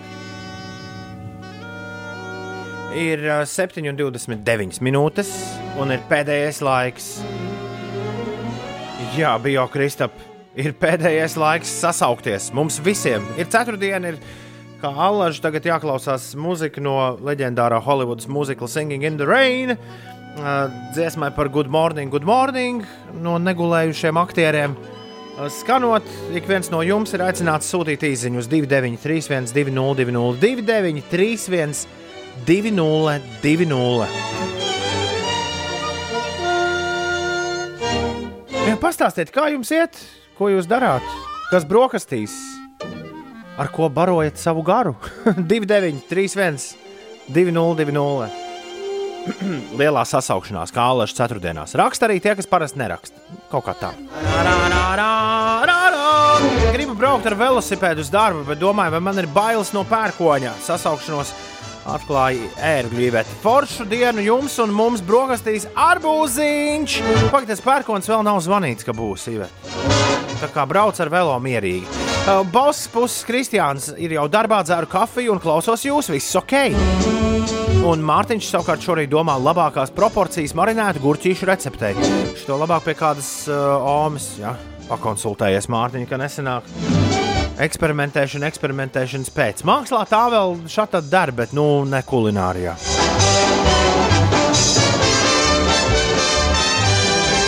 Gunča šodienas jubilārs raksta Hopipolā sakarā ar svinībām. Šodien 12.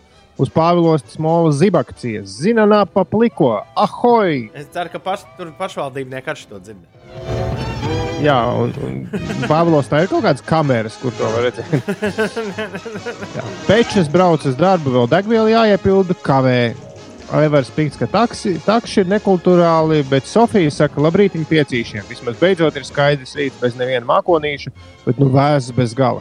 Tiesāju vakar lasīt zemes un ceru, ka laika apstākļi šodien nesabojāsies. Lai laba diena visiem! Es domāju, ka viņi tiesā, nu tā kā netiesā, lai tu netaptu tiesāts. Tiesāju zemes. Toms saka, čau, es tepat centrā baudu rīt kafiju ar gardu zemeņu eklēru, lai visiem forša diena. Andris eh, vēl aizvien turpina motobraucēju tematu. Viņš saka, ka visi moči brauc starp joslām un vinetai, kura nepat, kurai nepatīk ogla, es gribēju teikt ogra. Uh, viņa saka, labrīt, kārt. Kārtīgi nevar pamosties nedēļas skaistu ceturtdienu visiem. Vienēji, tu neesi vienīgā. Vadeks ir modies. Ko lai es saku, ka man ir gandrīz visas kategorijas vadīt transporta līdzekļus, izņemot lielo D. Nu kā? Nu tad mēs novēlam, lai tev drīz būtu arī lielais D. Lai tu tiec arī pie D, un tad tev varēs. Hei, tā. Labs rīts, baigi vēss, bet jālec uz cisku drīļu un aidā uz darbu, lai izdodas, raksta zaļā vārna. Labrīt, zaļā vārna, Jako ir modies. Labrīt, šodien aizbrauks uz darbu, pabel, paballēties, ne jau strādāt. Un Alvis brauc uz motobraukšanas nodarbību. Tieši pa tēmu viņam šis viss, ko šodien mēs kuļam. Jā, kāds cilvēks ir pirmo reizi mums atrakstījis un anonīmi uzrakstījis vienkārši labrīt. Atraksti, kā tevi sauc, ko, ko tu dari. Nimenī un etu. Cilvēks ar fantastisku sagvādu raksta, labrīt, labrīt. Vai, vai nav jauka diena, kas ir pēdējā diena pirms atvaļinājuma uz darbu, labā noskaņojumā? Veiksmi visiem! Un acis guļot noplēst skrēvēlu. Bonžūr! Bonjour, bonjour, bonjour, bonjour. Baiba raksta, labrīt visiem piecīšiem, labrītiņi arī manām vis, visforšākajām priekšniecēm Lāsmai un Zanai. Jūs esat vienreizējs un neatkārtojamas foršu dieniņu visiem. Un eh, Kaspars raksta, labrīt, auto amatniekam dodamies izbraucienā ar plostu pa gauju jau ceļā. Kaspar. Labrīt no rīta, veiksmīgi un cieņas pilnu dienu, un visiem vēl egons. Bez cieņas mums nekas neizdosies ne uz ceļiem, ne sabiedrībā. Punkts! Un JJs atrodas uz A8 un tā ir monologa ar sevi, ka zāli varētu nopļaut. Aiziet, JJ! Disclosure, Amenī un Slow Thai, My Highs, 7 un 37 minūtēs. Diena ir ceturtdiena, radio, kas skan ir Latvijas radio 5,5 LV. Šis ir raidījums 5 rīti. Un Lauma pēc atvaļinājuma šorīt pirmo reizi modusies un raksta, ka brokastis ieēst ir nereāli. Banāna līdzās un dodos uz darbu, lai silti. Lai labu apetīti, Lauma. Latvijas sinēs piedāvā pick-up lainu. Tu būsi zeme un es tevi aršu. Es tomēr atbildēšu mazā prinča vārdiem. Man to nevajag. Čau, labrīt visiem! Džins raksta, brauc uz tehnisko apskatu. Vajadzētu būt visam labi, lai feina diena, vasarā ar mocu feini pats arī brauc un neko nepārkāpju. Uh, Biokristapam gan nav ko teikt, jo viņam nabagam miegs vēl nāk. Un Alois Jānis raksta, ka skaists rīts pēc iedvesmojoša stībeļa koncerta Cārnikavā. Optimistika! Paskat, kā! Arī Cārnikavā ir atsākusies koncerta darbība šajā laikā. Forši! Labs rīts, jau darbojos pilnu spāru darbā. Divas dienas līdz atvaļinājumam, Krišķam atlikušas. Forši! Kāds nā, iet atvaļinājumā, kāds atgriežas. Šodien pamodos abrīnojami agri jau četros raksta Dīdzis brauc ar taksi. Brokastīs apēda pēdējo pērnā gada ķirbja biezupu. Diez Dīdzis to uh, saldēja. Droši vien. Droši vien, jā. Labu rītu, vēsajā rītā, lai visiem jauka diena, kas par svēlu. Miss A raksta, ka viņas gandrīz pusotru gadu vecais dēliņš nogulējis nakti bez pamošanās. Beidzot, esam izgulējušies, lai super diena visiem. Šis izklausās vareni, vai ne? Everitā imanta ādaži, imanta ādaži aiziet. Un kāds mūsu klausītājs Nīderlandē raksta, ka līst lietus. Tā kā man ir jauns foršs lietus mētelis, tad man viss ir forši. Starp citu, eh, no Nīderlandes eh, šorīt pie mums ir atceļojusi pavisam jauna dziesma. Hei, pieci! Te Anna ar trīs N. Tu tūlīt klausīsies man jaunāko dziesmu, tikai šodien, Radio 5 viļņos. Jā, Annas jauno hitu Silver Spoons mēs pirmā skaņosim pēc kāda laiciņa. Tas tūlīt, nu, tas tā ļoti nu, plaši teikts. Pēc brīdiņa būs. Bet sveiciens Nīderlandē. Laura ar vīru un māsu brauc uz darbu. Un biokristaps prasa, vai klausītāji tiešām domā, ka cilvēks iekāpjot kādā transporta līdzeklī pēkšņi pārvēršas par kretīnu, bet citā atkal ir normāls čalis. Nu, Tāds trīs punktu jautājums, vai ne? Nu jā, bet ļoti palīdz saprast citu transporta līdzekļu vadītājus. Tas ir tu pats pabrauc ar citu transporta līdzekli. Jā, maziņš sastrēgums uz Rīgu pa Jālgavas šosei raksta Kaspars, bet tas jau katru rītu. Tas, Jā, Kaspar, tas Kaspar nav pat, uh, nekas. nav diezko maziņš īstenībā. Un sveiciens visiem uh, no Salaveču zemes. Ulu vārdu brālis Uldis ir uh, Somijā dzestras rīts un jau par dienu tuvāk atvaļinājumam. Cik skaisti! Uldim vajag vienu varenu dziesmu, kuras uzlikšu uzreiz pēc tam, kad Ines būs pastāstījusi, kas notiek. Ines pastāst, kas notiek?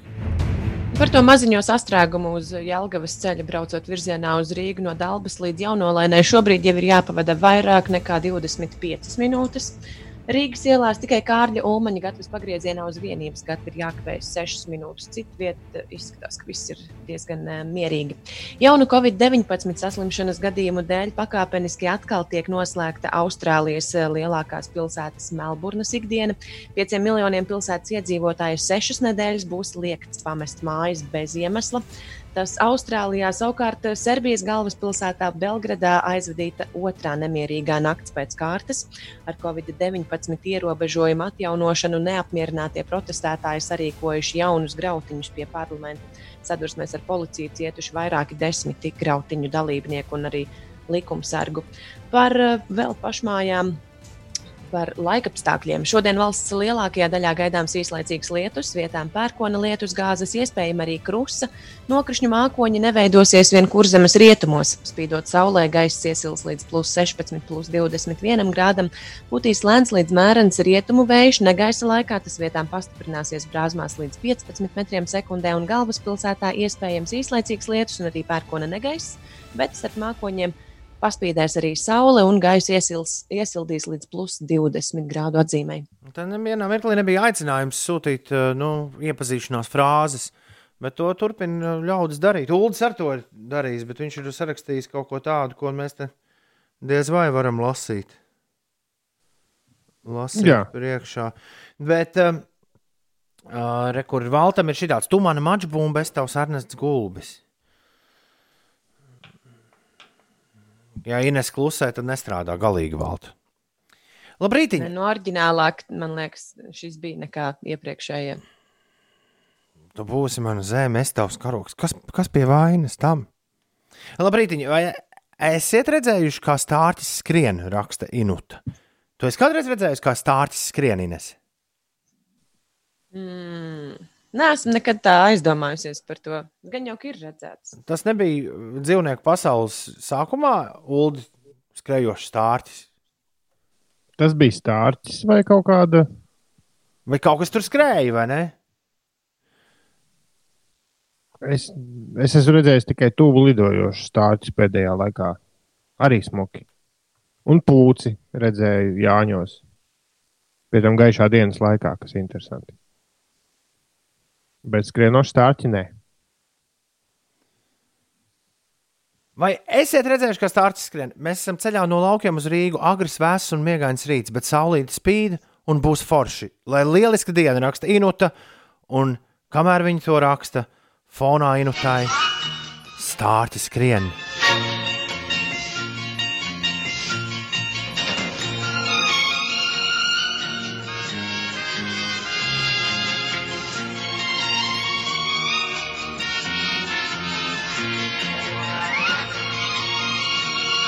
Tie pavisam noteikti Ulu nebija stārķi, kas tur skrēja.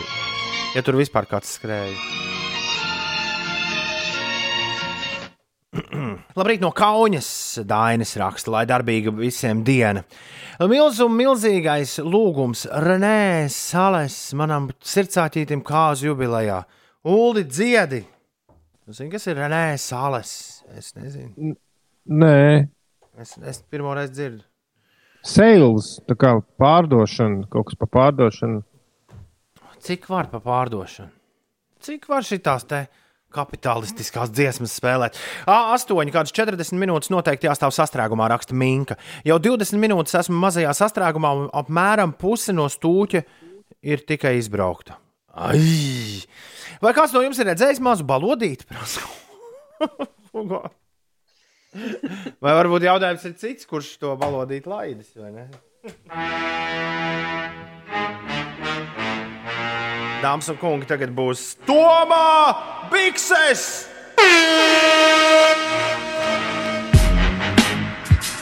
Kāpēc es pats pateicu, Uldis īsti nezinu. Nu, ļoti labi. Bet eh, šoreiz tā, tā nu tas būs.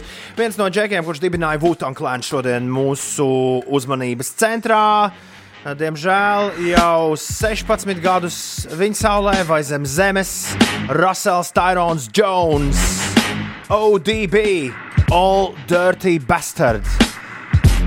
Rīktīgi padarbojies Wutang zelta ērā. Diemžēl pats personīgi spēja tikai divus studijas albumus uztapināt, bet abi divi leģendāri. Pirmais no tiem šodien manā priekšā to sauc Return to the 36 Chambers. Atgriešanās 36 kambaros un tā lielākais grāvējs. Gabals, varētu teikt, uzreiz pēc intro, kurš atklāja šo episko platu. Šorīt arī skan Toma Biksēs All Dirty Bastard. Šimi, šimi, jā! Shimmy, shimmy, y'all, shimmy, yam, shimmy, yeah. Give me the mic so I can take it away. On the natural charge, bon voyage. Yeah, from the home of the Dodger Brooklyn squad. Wu Tang killer, bees on the swarm. Rain on your college disco dorm. For you to even touch my skill, you gotta go to one killer bee, and he ain't for the kill down. Chop that down. Tom Biksēs skanēja šimi, šimi, jā, no All Dirty Bastard aizvadītās stundas noslēgumā. Ingvars vakar pēc vairāk kā 15 gadiem izdomājis noskatīties astoto jūdzi. Es tam citu nekad neesmu redzējis eit mailu. Es pieļauju, ka Inês un Ulas arī varbūt, ka nav. Va, es, jā, es tieši tā varbūt, ka neesmu. Un Ko Inês teica, es nez- nesadzirdēju.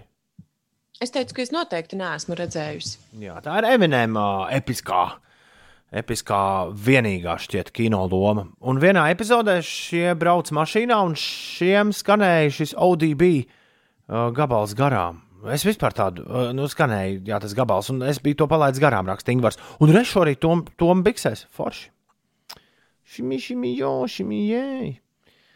Uh, jā, es uh, pirmo reizi dzirdēju uh, iztīrītajā versijā to, ka nevis nu, ir mēģināts tikai vārdus griezt uz otru pusi, kas ir klasika. Man, starp citu, vislabāk patīk pašam tīrot skaņdarbu, no skaņdarbiem ārā visādus uh, traipiņus, kas tur bijuši. Man pašam patīk uh, nodarboties tieši ar griešanu otrādi. Es zinu, ir visādi efekti iespējams, bet uh, tā otrādi apgriešana man liekas. Mm, Sačakarēt dziesmu mazāk. Nu, protams, tu saproti, ka tur ak, tas šit, ak, tas šitien, tas bija domāts. Jo savādāk, ja vienkārši pazūd vokāls, nu tad, nu, nu kas tad tur? Var, varbūt producents tā domājis, vai ne? Bet eh, šeit Ulu bija Old Dirty Bastard gabals, bija īpaši ar to, ka tur pēkšņi viena, viens vesels pantiņš bija apgriezts otrādi. O, es to nepamanīju. Nu, ja tā kā nav ko tur vienkārši pēkšņi vienā pantiņā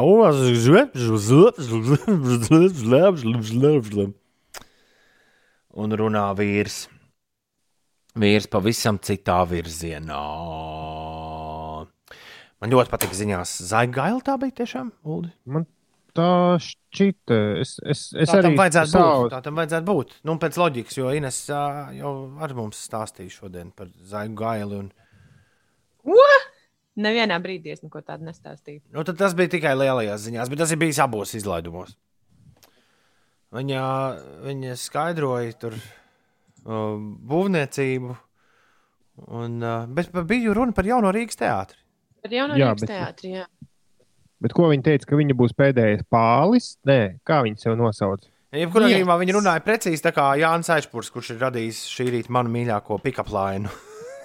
tu būsi man zeme, es būšu tavs karoks. Kaut kā ļoti, ļoti līdzīgi runāja Zaiga. Nezinu, kas tev tom patīk savā pikaplēnā tik ļoti. Nāks strādnieki šeit, tie darbu darīs. Pusdienu laikā viņiem kāds gardu zupu vārīs. Un kopā no pelniem tie atkal būvēs no jauna šo teātri, par kuru izrādēm nevienam nebūs kauna.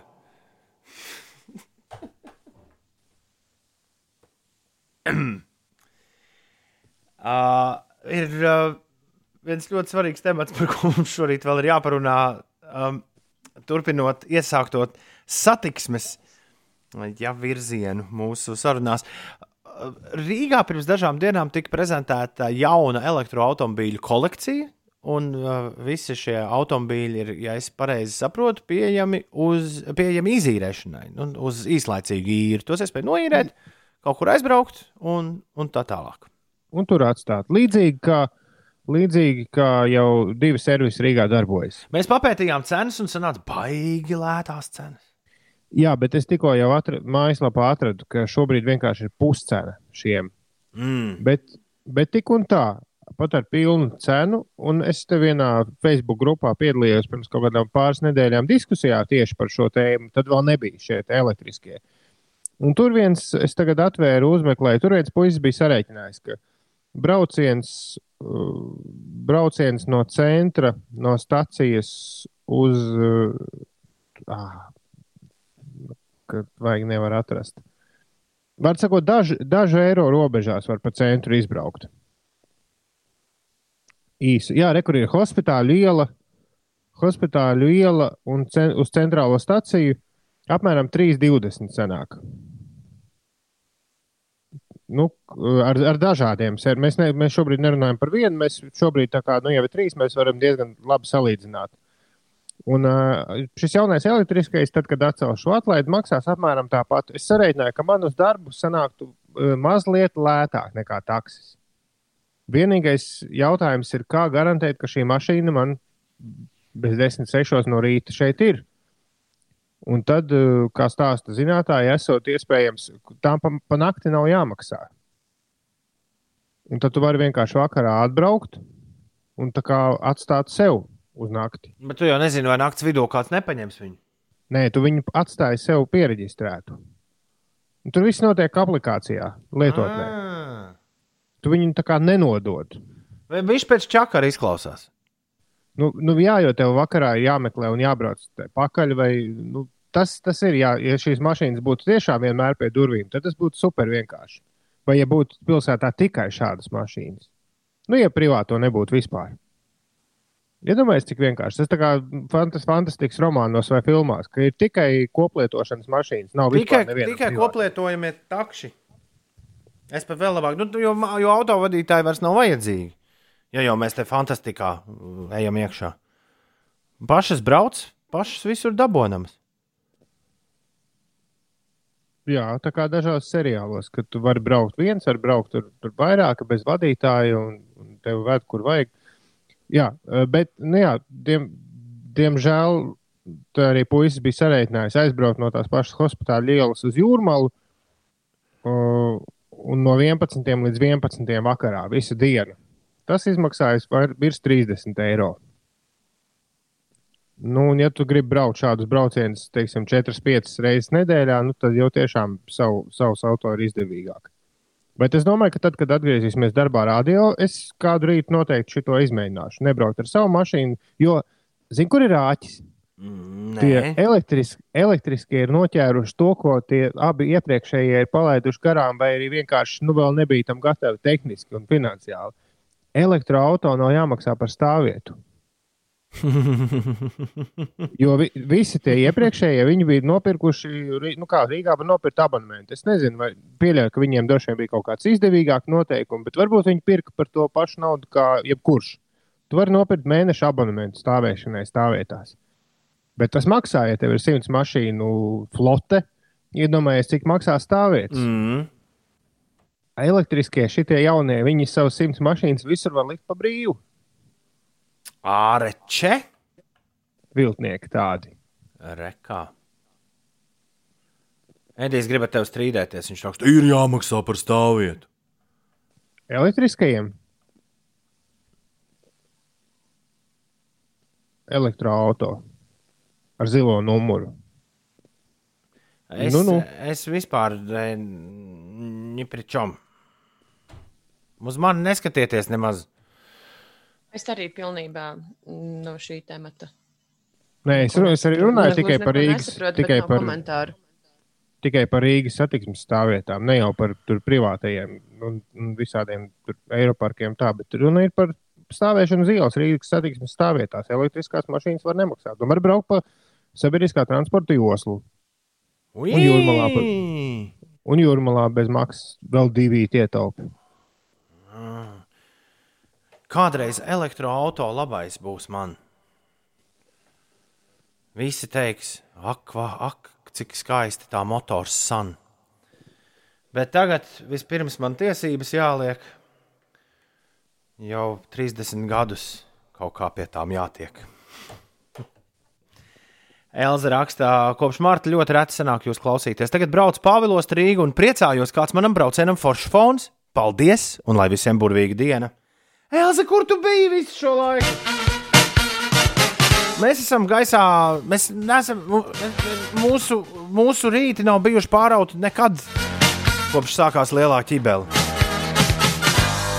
Un šovasar mēs arī būsim gaisā tik daudz kā vēl nekad.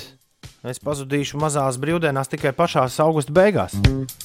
Piemēram, ir 4. un 15. jūlijas, un, ja kādreiz celies vēlāk, bet arī ir jābrauc kaut kur tālu, tad Elza ieslēdz e-punktu uz Slimsvītra podkāstu. Tur viss šis raidījums tagad ir pieejams bez dziesmām katru dienu. Saspiestā versijā. Vut, vut, Ceturtdien, 9. jūlijas. Labrīt! Laiks celties un vēlties un sveikt šodien vārdu svētkos trīs brīnišķīgas rozes, asnu, asni un zaigu. Asnai, asnai un zaigai ir vārdu svētki. Ilmāram Brīsīm bija atlonistam ir dzimšanas diena, sveiciens dzimšanas dienā arī arhitektam Andrejam Dzelzim, uzņēmējam un ekspremjeram jā, un kuģotājam Mārim Gailim daudz laimes. Daudz laimes amerikāņu mūziķim Džekam Vaitam, amerikāņu mūziķei un aktrisei Kornijai Lovai dzimšanas diena, Tomam Henkam, Forestam Gampam šodien dzimšanas diena. Un šodien daudz laimes dzimšanas dienā uz Pāvilostu mēs sūtām Gunčām, Zernānā, Gunčā, Heimā! Lai viss, lai viss forši Gunčā. Jā, pareizi. Šodien svin Zaiga Gailis vien vārdu dienu, Mārs Gailis vien dzimšanas dienu. Gaļu mājā pamatīga balle.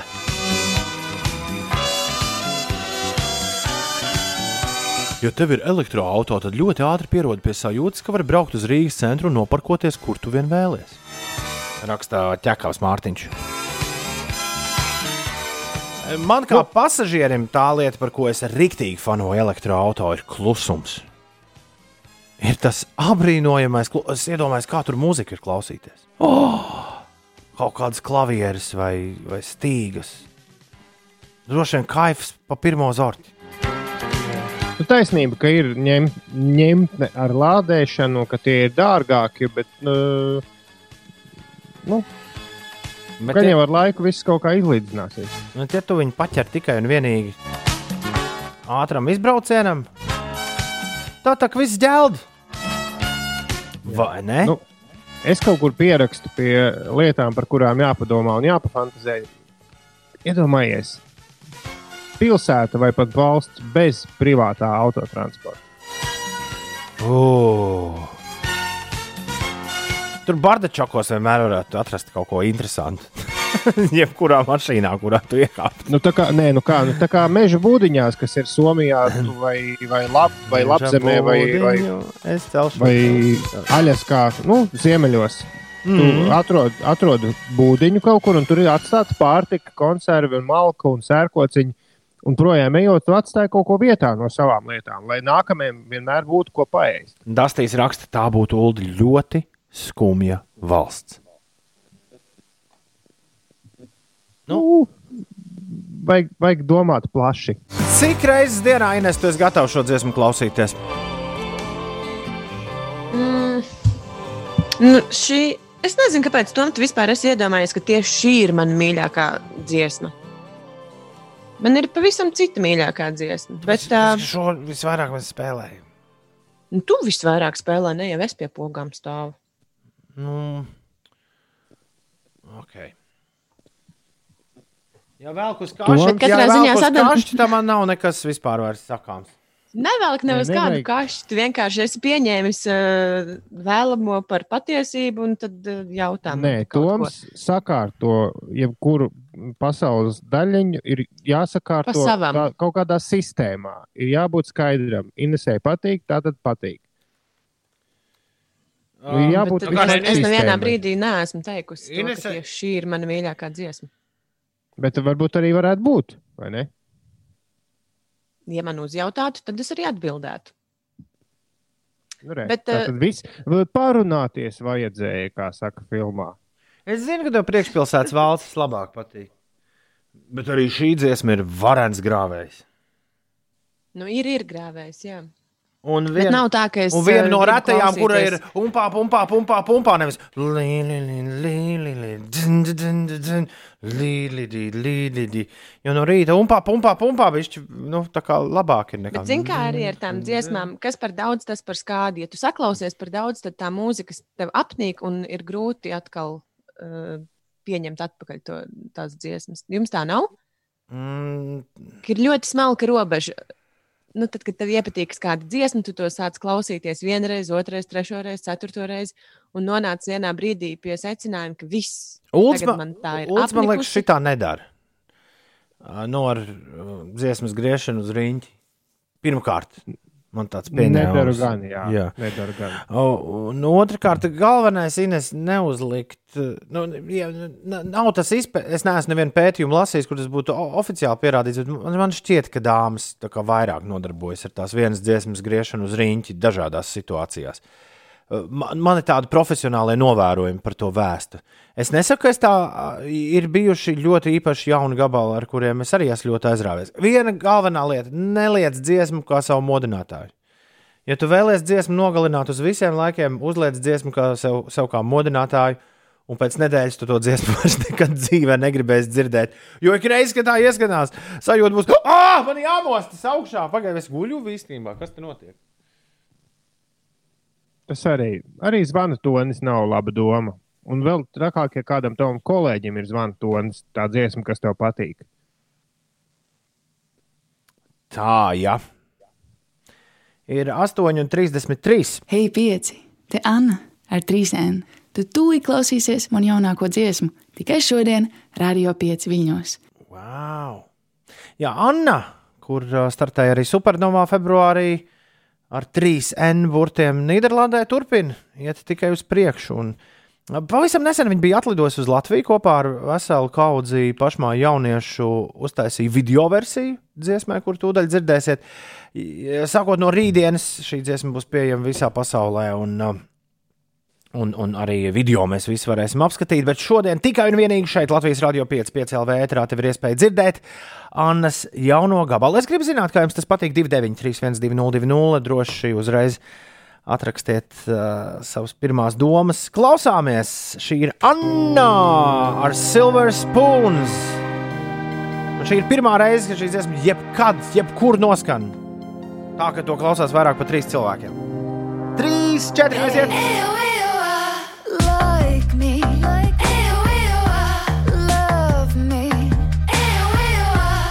shut me out. I'm around. Like me, love me, don't shut me out. Anna ar Silver Spoons. Pirmo reizi ir radio viļņos. Anna ir diezgan ārzemnieciska rakstērgļa vieta, un man jūtama, uh, un man un jūtama virs vidusmēra līmeņa mūzika, un man tas patīk. Forša tīra dziesma. Arī lielā, Jā. lielā pirāta Omega Inter sajūsmā. Izcili.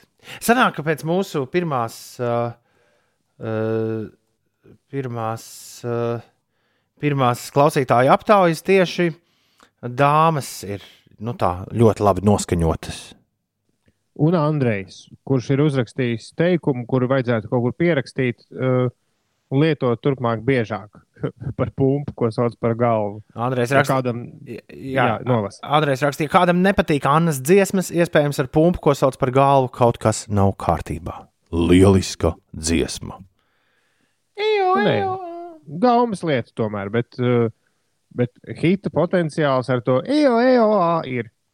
Ir īpaši dziesmu sēklu nedēļā. Līnai arī patīk dziesma. Uh, no pirmajām dziesmas skaņām viņai jau patīk. In, viņa grib zināt, Ines, kas ir tava mīļākā dziesma? Tieši no sadalītas, jo iepriekš mēs runājām par sadalītas dziesmām. Nu, Vai, vai vispār? tu drīksti pateikt, Vispār gan, gan. nav tāda gan, viena mīļākā dziesma. Ir uh, vairākas, bet no sadalītas, jā, priekšpilsētas valsts ir tā, kas, tā, kas uh, manai sirdī lika pukstēt straujāk, kad es pirmo reizi izdzirdēju viņus. Jā. Ne tavai vienīgajai. Priekšpilsētas valstis ir visvairāk arī viņu skatītākā dziesma YouTube. Tā kā, Nu, re. tā kā ir, kā ir. Ja kāds nezina, kā tā dziesma skan, tā skan šādi.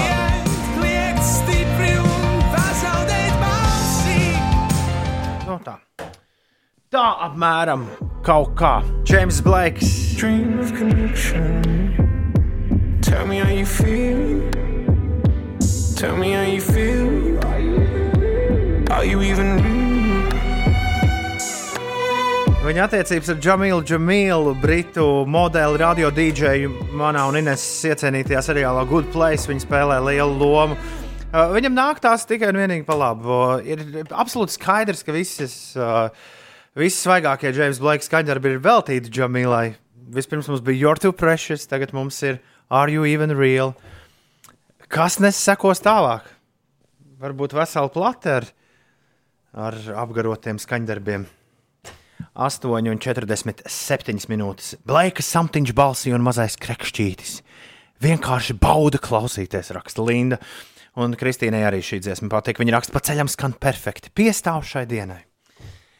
Nav šaubu, ka abus šī rīta lielos pirmatskaņojumus mēs klausīsimies vēl, un vēl, un vēl, un vēl, un vēl kaut kad. Bet tagad laiks Inesai izstāstīt, kas notiek. Ines! Ir samazinājies sastrēgums uz A8, braucot no Jālgavas uz Rīgu. Tur šobrīd jāpavada tikai 11 minūtes. Rīgas ielās Baltika Maps ziņo, ka šobrīd uz A7 posmā Kroksilas baložu pagrieziens 8 minūšu kavēšanās Kārļa Ulmaņa gatavē pavadīsiet 6 minūtes. Tāda pati situācija arī uz Vanšu tilta braucot centra virzienā. Un vēl brīvības gatavē posmā no Džutas ielas līdz Gustava zemgala gatavē jārēķinās, jārēķinās ar aptuveni 6 minūšu kavēšanos. Par uh, citām vēstījumiem Jaunu Covid-19 saslimšanas gadījumu dēļ pakāpeniski atkal tiek noslēgta arī Austrālijas lielākās pilsētas Melburnas ikdiena. Pieciem miljoniem pilsētas iedzīvotāju sešas nedēļas būs liekts pamest mājas bez iemesla. Savukārt eh, Serbijas galvaspilsētā Belgradā aizvadīta otrā nemierīgā nakts pēc kārtas ar Covid-19 ierobežojumu atjaunošanu neapmierinātie protestētāji sarīkojuši jaunus grautiņus pie parlamenta. Un eh, par Latviju. Latvijā apmēram pusi iedzīvotāju ir gatavi apmeklēt pasākumus jau tagad, taču 13 līdz 15% to būtu gatavi darīt tikai pēc visu Covid-19 pandēmijas dēļ noteikto ierobežojumu atcelšanas. Tā liecina Latvijas pasākumu producentu asociācijas rīkotās aptaujas rezultāti. 8 un 48. Labrīt! Ej, ej, 2020! Mēs taisām mūžu un nevis bērnus! Jā,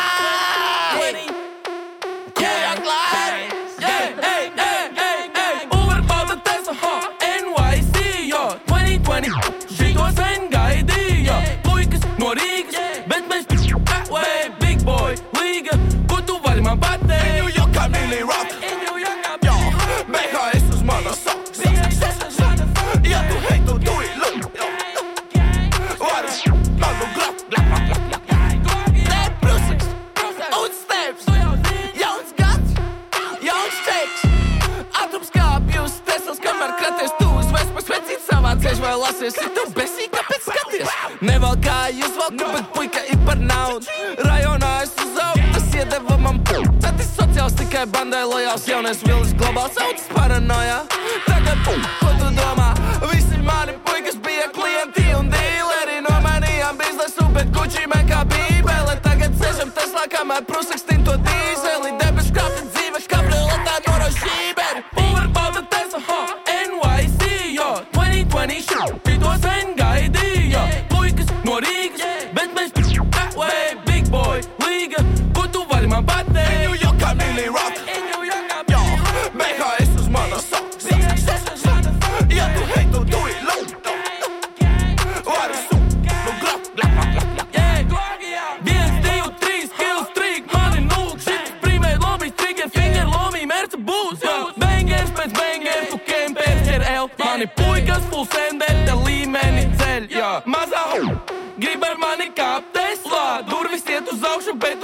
man nestāv.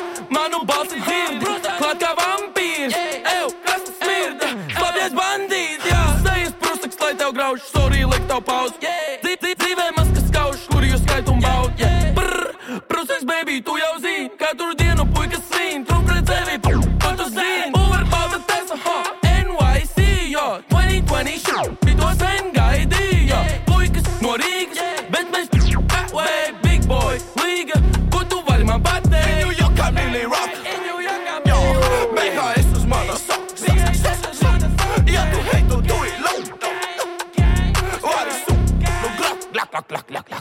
glak. Prusaks un steps 8,51. Ui, oi, oi, oi,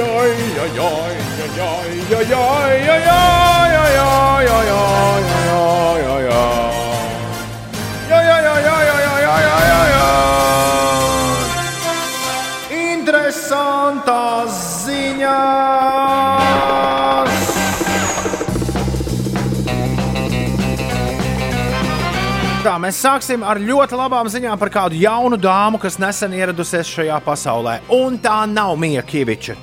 Un, protams, mēs sveicam Lienu un Andriu, un lai tur viss ir labi. Uh, šoreiz bišķi, bišķi starptautiskāks stāsts. Savā Twitter kontā pirmās mājā dzimušās meiteņas bildes publicējis leģendārais jamaikiešu. Tas uzrakstījis printeris, Ulu. Es tā uzrakstīju un sapratu, ka būs tā ir kļūda, ko es nelabošu. Leģendārais jamaikiešu sprinteris Usains Bolts. Bildes glītas meiteņa izskatās burvīgi, bet pasauli īpaši sajūsminājis tas, kā Usains Bolts, kuru uzvārds jau tā ir izcili piemērots ātram sprinterim, ir nosaucis savu atvasi. Meiteņu sauc uzmanību Olimpija Lightninga Bolta. Olimpija wow. Zibens Bulta sanāk. Jā. Nu, Lightning Bolt vienā var īstenībā tulkojas vienkārši kā zibens. Ja Olim- Bolt vēl ir tā kā būta, tad. Bet uh, ļoti labs arī tāda sp- spiedze varētu būt kādā latviešu spiegu filmā. Labdien, man sauc Olimpijas Zibens. es esmu Olimpijas Zibens. Labdien! Japānā, kā daudz vietā pasaulē, pamazām sāk atvērties dažādas izklaides iestādes, un Japānas attrakciju parki, lai saprastu, kā darboties turpmākos mēnešus, ir radījuši īpašas vadlīnijas, kas būs jāievēro visiem Japānas attrakciju parkiem, tajā skaitā milzīgajai Disneylandai un Universal Studios Japan. Lielākā daļa punktu dokumentā nerada jautājumus, attrakciju lietotāju skaita ierobežošana, temperatūras mērīšana, masku lietošana, bezskaidrs naudas maksājuma un tā tālāk. Arī attiecībā uz attrakcijām ieviest dažādi noteikumi. Iekštelpu attrakcijās jāveidina telpas, turot vaļā logus un durvis un tam līdzīgi, bet viens noteikuma punkts automātiski šo ziņu ir ierindojis interesanto ziņu rubrikā. Vadlīnijas nosaka, ka amerikāņu kalniņu braucējiem jālieto sejas maskas, un tie ir jāaicina atturēties no kliekšanas un spiekšanas. Kā to izdarīt? Ieviest sodus, vai varbūt īpašus atlaižu kuponus tiem, kas prot visu braucienu turēt ciet muti? Bet es Nu, saprotu, ka nu, tā- Kaut kādas īpašas sejas maskas. Jā, nu tā arī būs. Jābūt, nevar būs šeit atvērt, jābrauc. nu. Es, es starp citu, ko- ā, tos, tos, tos Jūs-. Jūs ticiet, ticiet, vai, jūs ticiet vai ne? 2020. gads man neko nav iemācījis. Es šobrīd uh, plānoju, višķi skatos skolēnu brīvdienu virzienā. Man pirm, mans pirmajam skolēnam ir pirmās skolēnu brīvdienas. un Man ir ienākusi prātā doma, ka mēs varētu varbūt ar kaut kur aizbraukt. ā, Tā, tā, tā ka- kaut kā, jā, ja vispār kaut kur varēs, nu tā un tā. tā. Bet nu, sapņot, jebkurā gadījumā nav liekts. Un uh, es vienu no Vācijas lielākajiem attrakciju parkiem uh, pētīju aizvakar šķiet. Un tur jā, ļoti mm, nu, nopietns noteikums. uh, Mājaslapā pirmais punkts. Visu laiku, atrodoties attrakciju parkā, sejas maska ir obligāta. Nu, cik tur prieks no brīdinām. attrakciju parka paliek? Tas ir labs jautājums.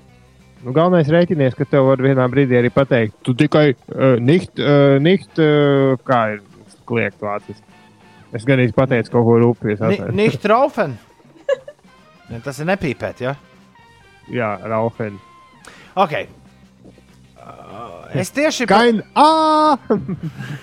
es tieši par šo iedomājos vakar. Vakar es par šo iedomājos, kāpēc? Ah, domājot par uh, Turciju, es kādam stāstīju par to, ka Turcijā ļoti smieklīgi, nu, Stambulā ir uh, laivu satiksme. Jo daudz salas apkārt. Un vispār no ātrāk pilsētā no viena gala uz otru nokļūt ir ar laivu. Tāpēc ļoti bieži jābrauc ar laivu, kas ir nu, tikpat pašsaprotama lieta kā autobuss vai metro. Nu, re, un šorīt mēs daudz runājām par dažādiem mūsdien, mūsdienīgiem transporta veidiem, un paskatieties, ko Uber ir izdomājis Londonā. Uberam būs motorenes.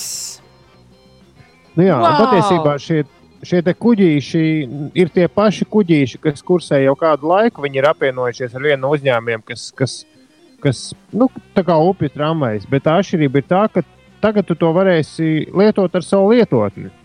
Nu, tas tā kā būs takša turpinājums. Ne, bet tev jau ir tur tā tēmas līnija, pa kuru tu vari braukt arī ar savu oysterkarti, nu, ar kuģīti, jebkurā brīdī. Uh, Tāda stēla jau viņiem arī pastāv. Bet uh, pie mums varbūt ir arī laiks sākt šo ieviest. Kāpēc pie mums visādi takšu servisi nevarētu ieviest ūdens takšus? Padomā ar skrējēju līdz krastmalai, lai viņā iekšā un par sastrēgumiem var skaļi pasmieties. Un pēc minūtēm, nu, teiksim, 20, tu jau uh, ne uz Mangaļsāles māla stāvi kā kundziņš.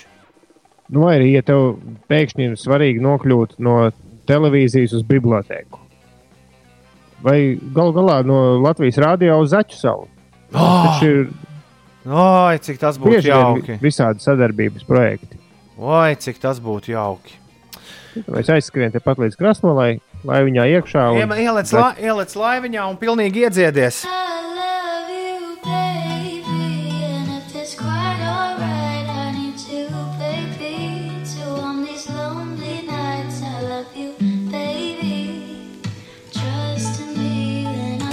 cerams, ka ceturtdienā arī šādi paies tā viegli. I love you, baby, pie sevis visu laiku dungojot. Uh, Paldies par uh, rītu! Paldies par to, ka bijāt Ulu un Ines. Un būsim. Un būsim rītdien. Tev arī paldies. Rīt, rītdien ir. Jā! Priekdiena! Jā. Tad nu arī to svētīsim. Jau no sešiem sāksim to darīt. Tu vari klausīties mūsu visu dienu, rīti 5 LV. Klausies arī visu, ko mēs runājam. Vēlreiz e-punkts uz Slimsvītra podkāsts. Bet tagad gan mēs sakām visu labu! Atā! Tā!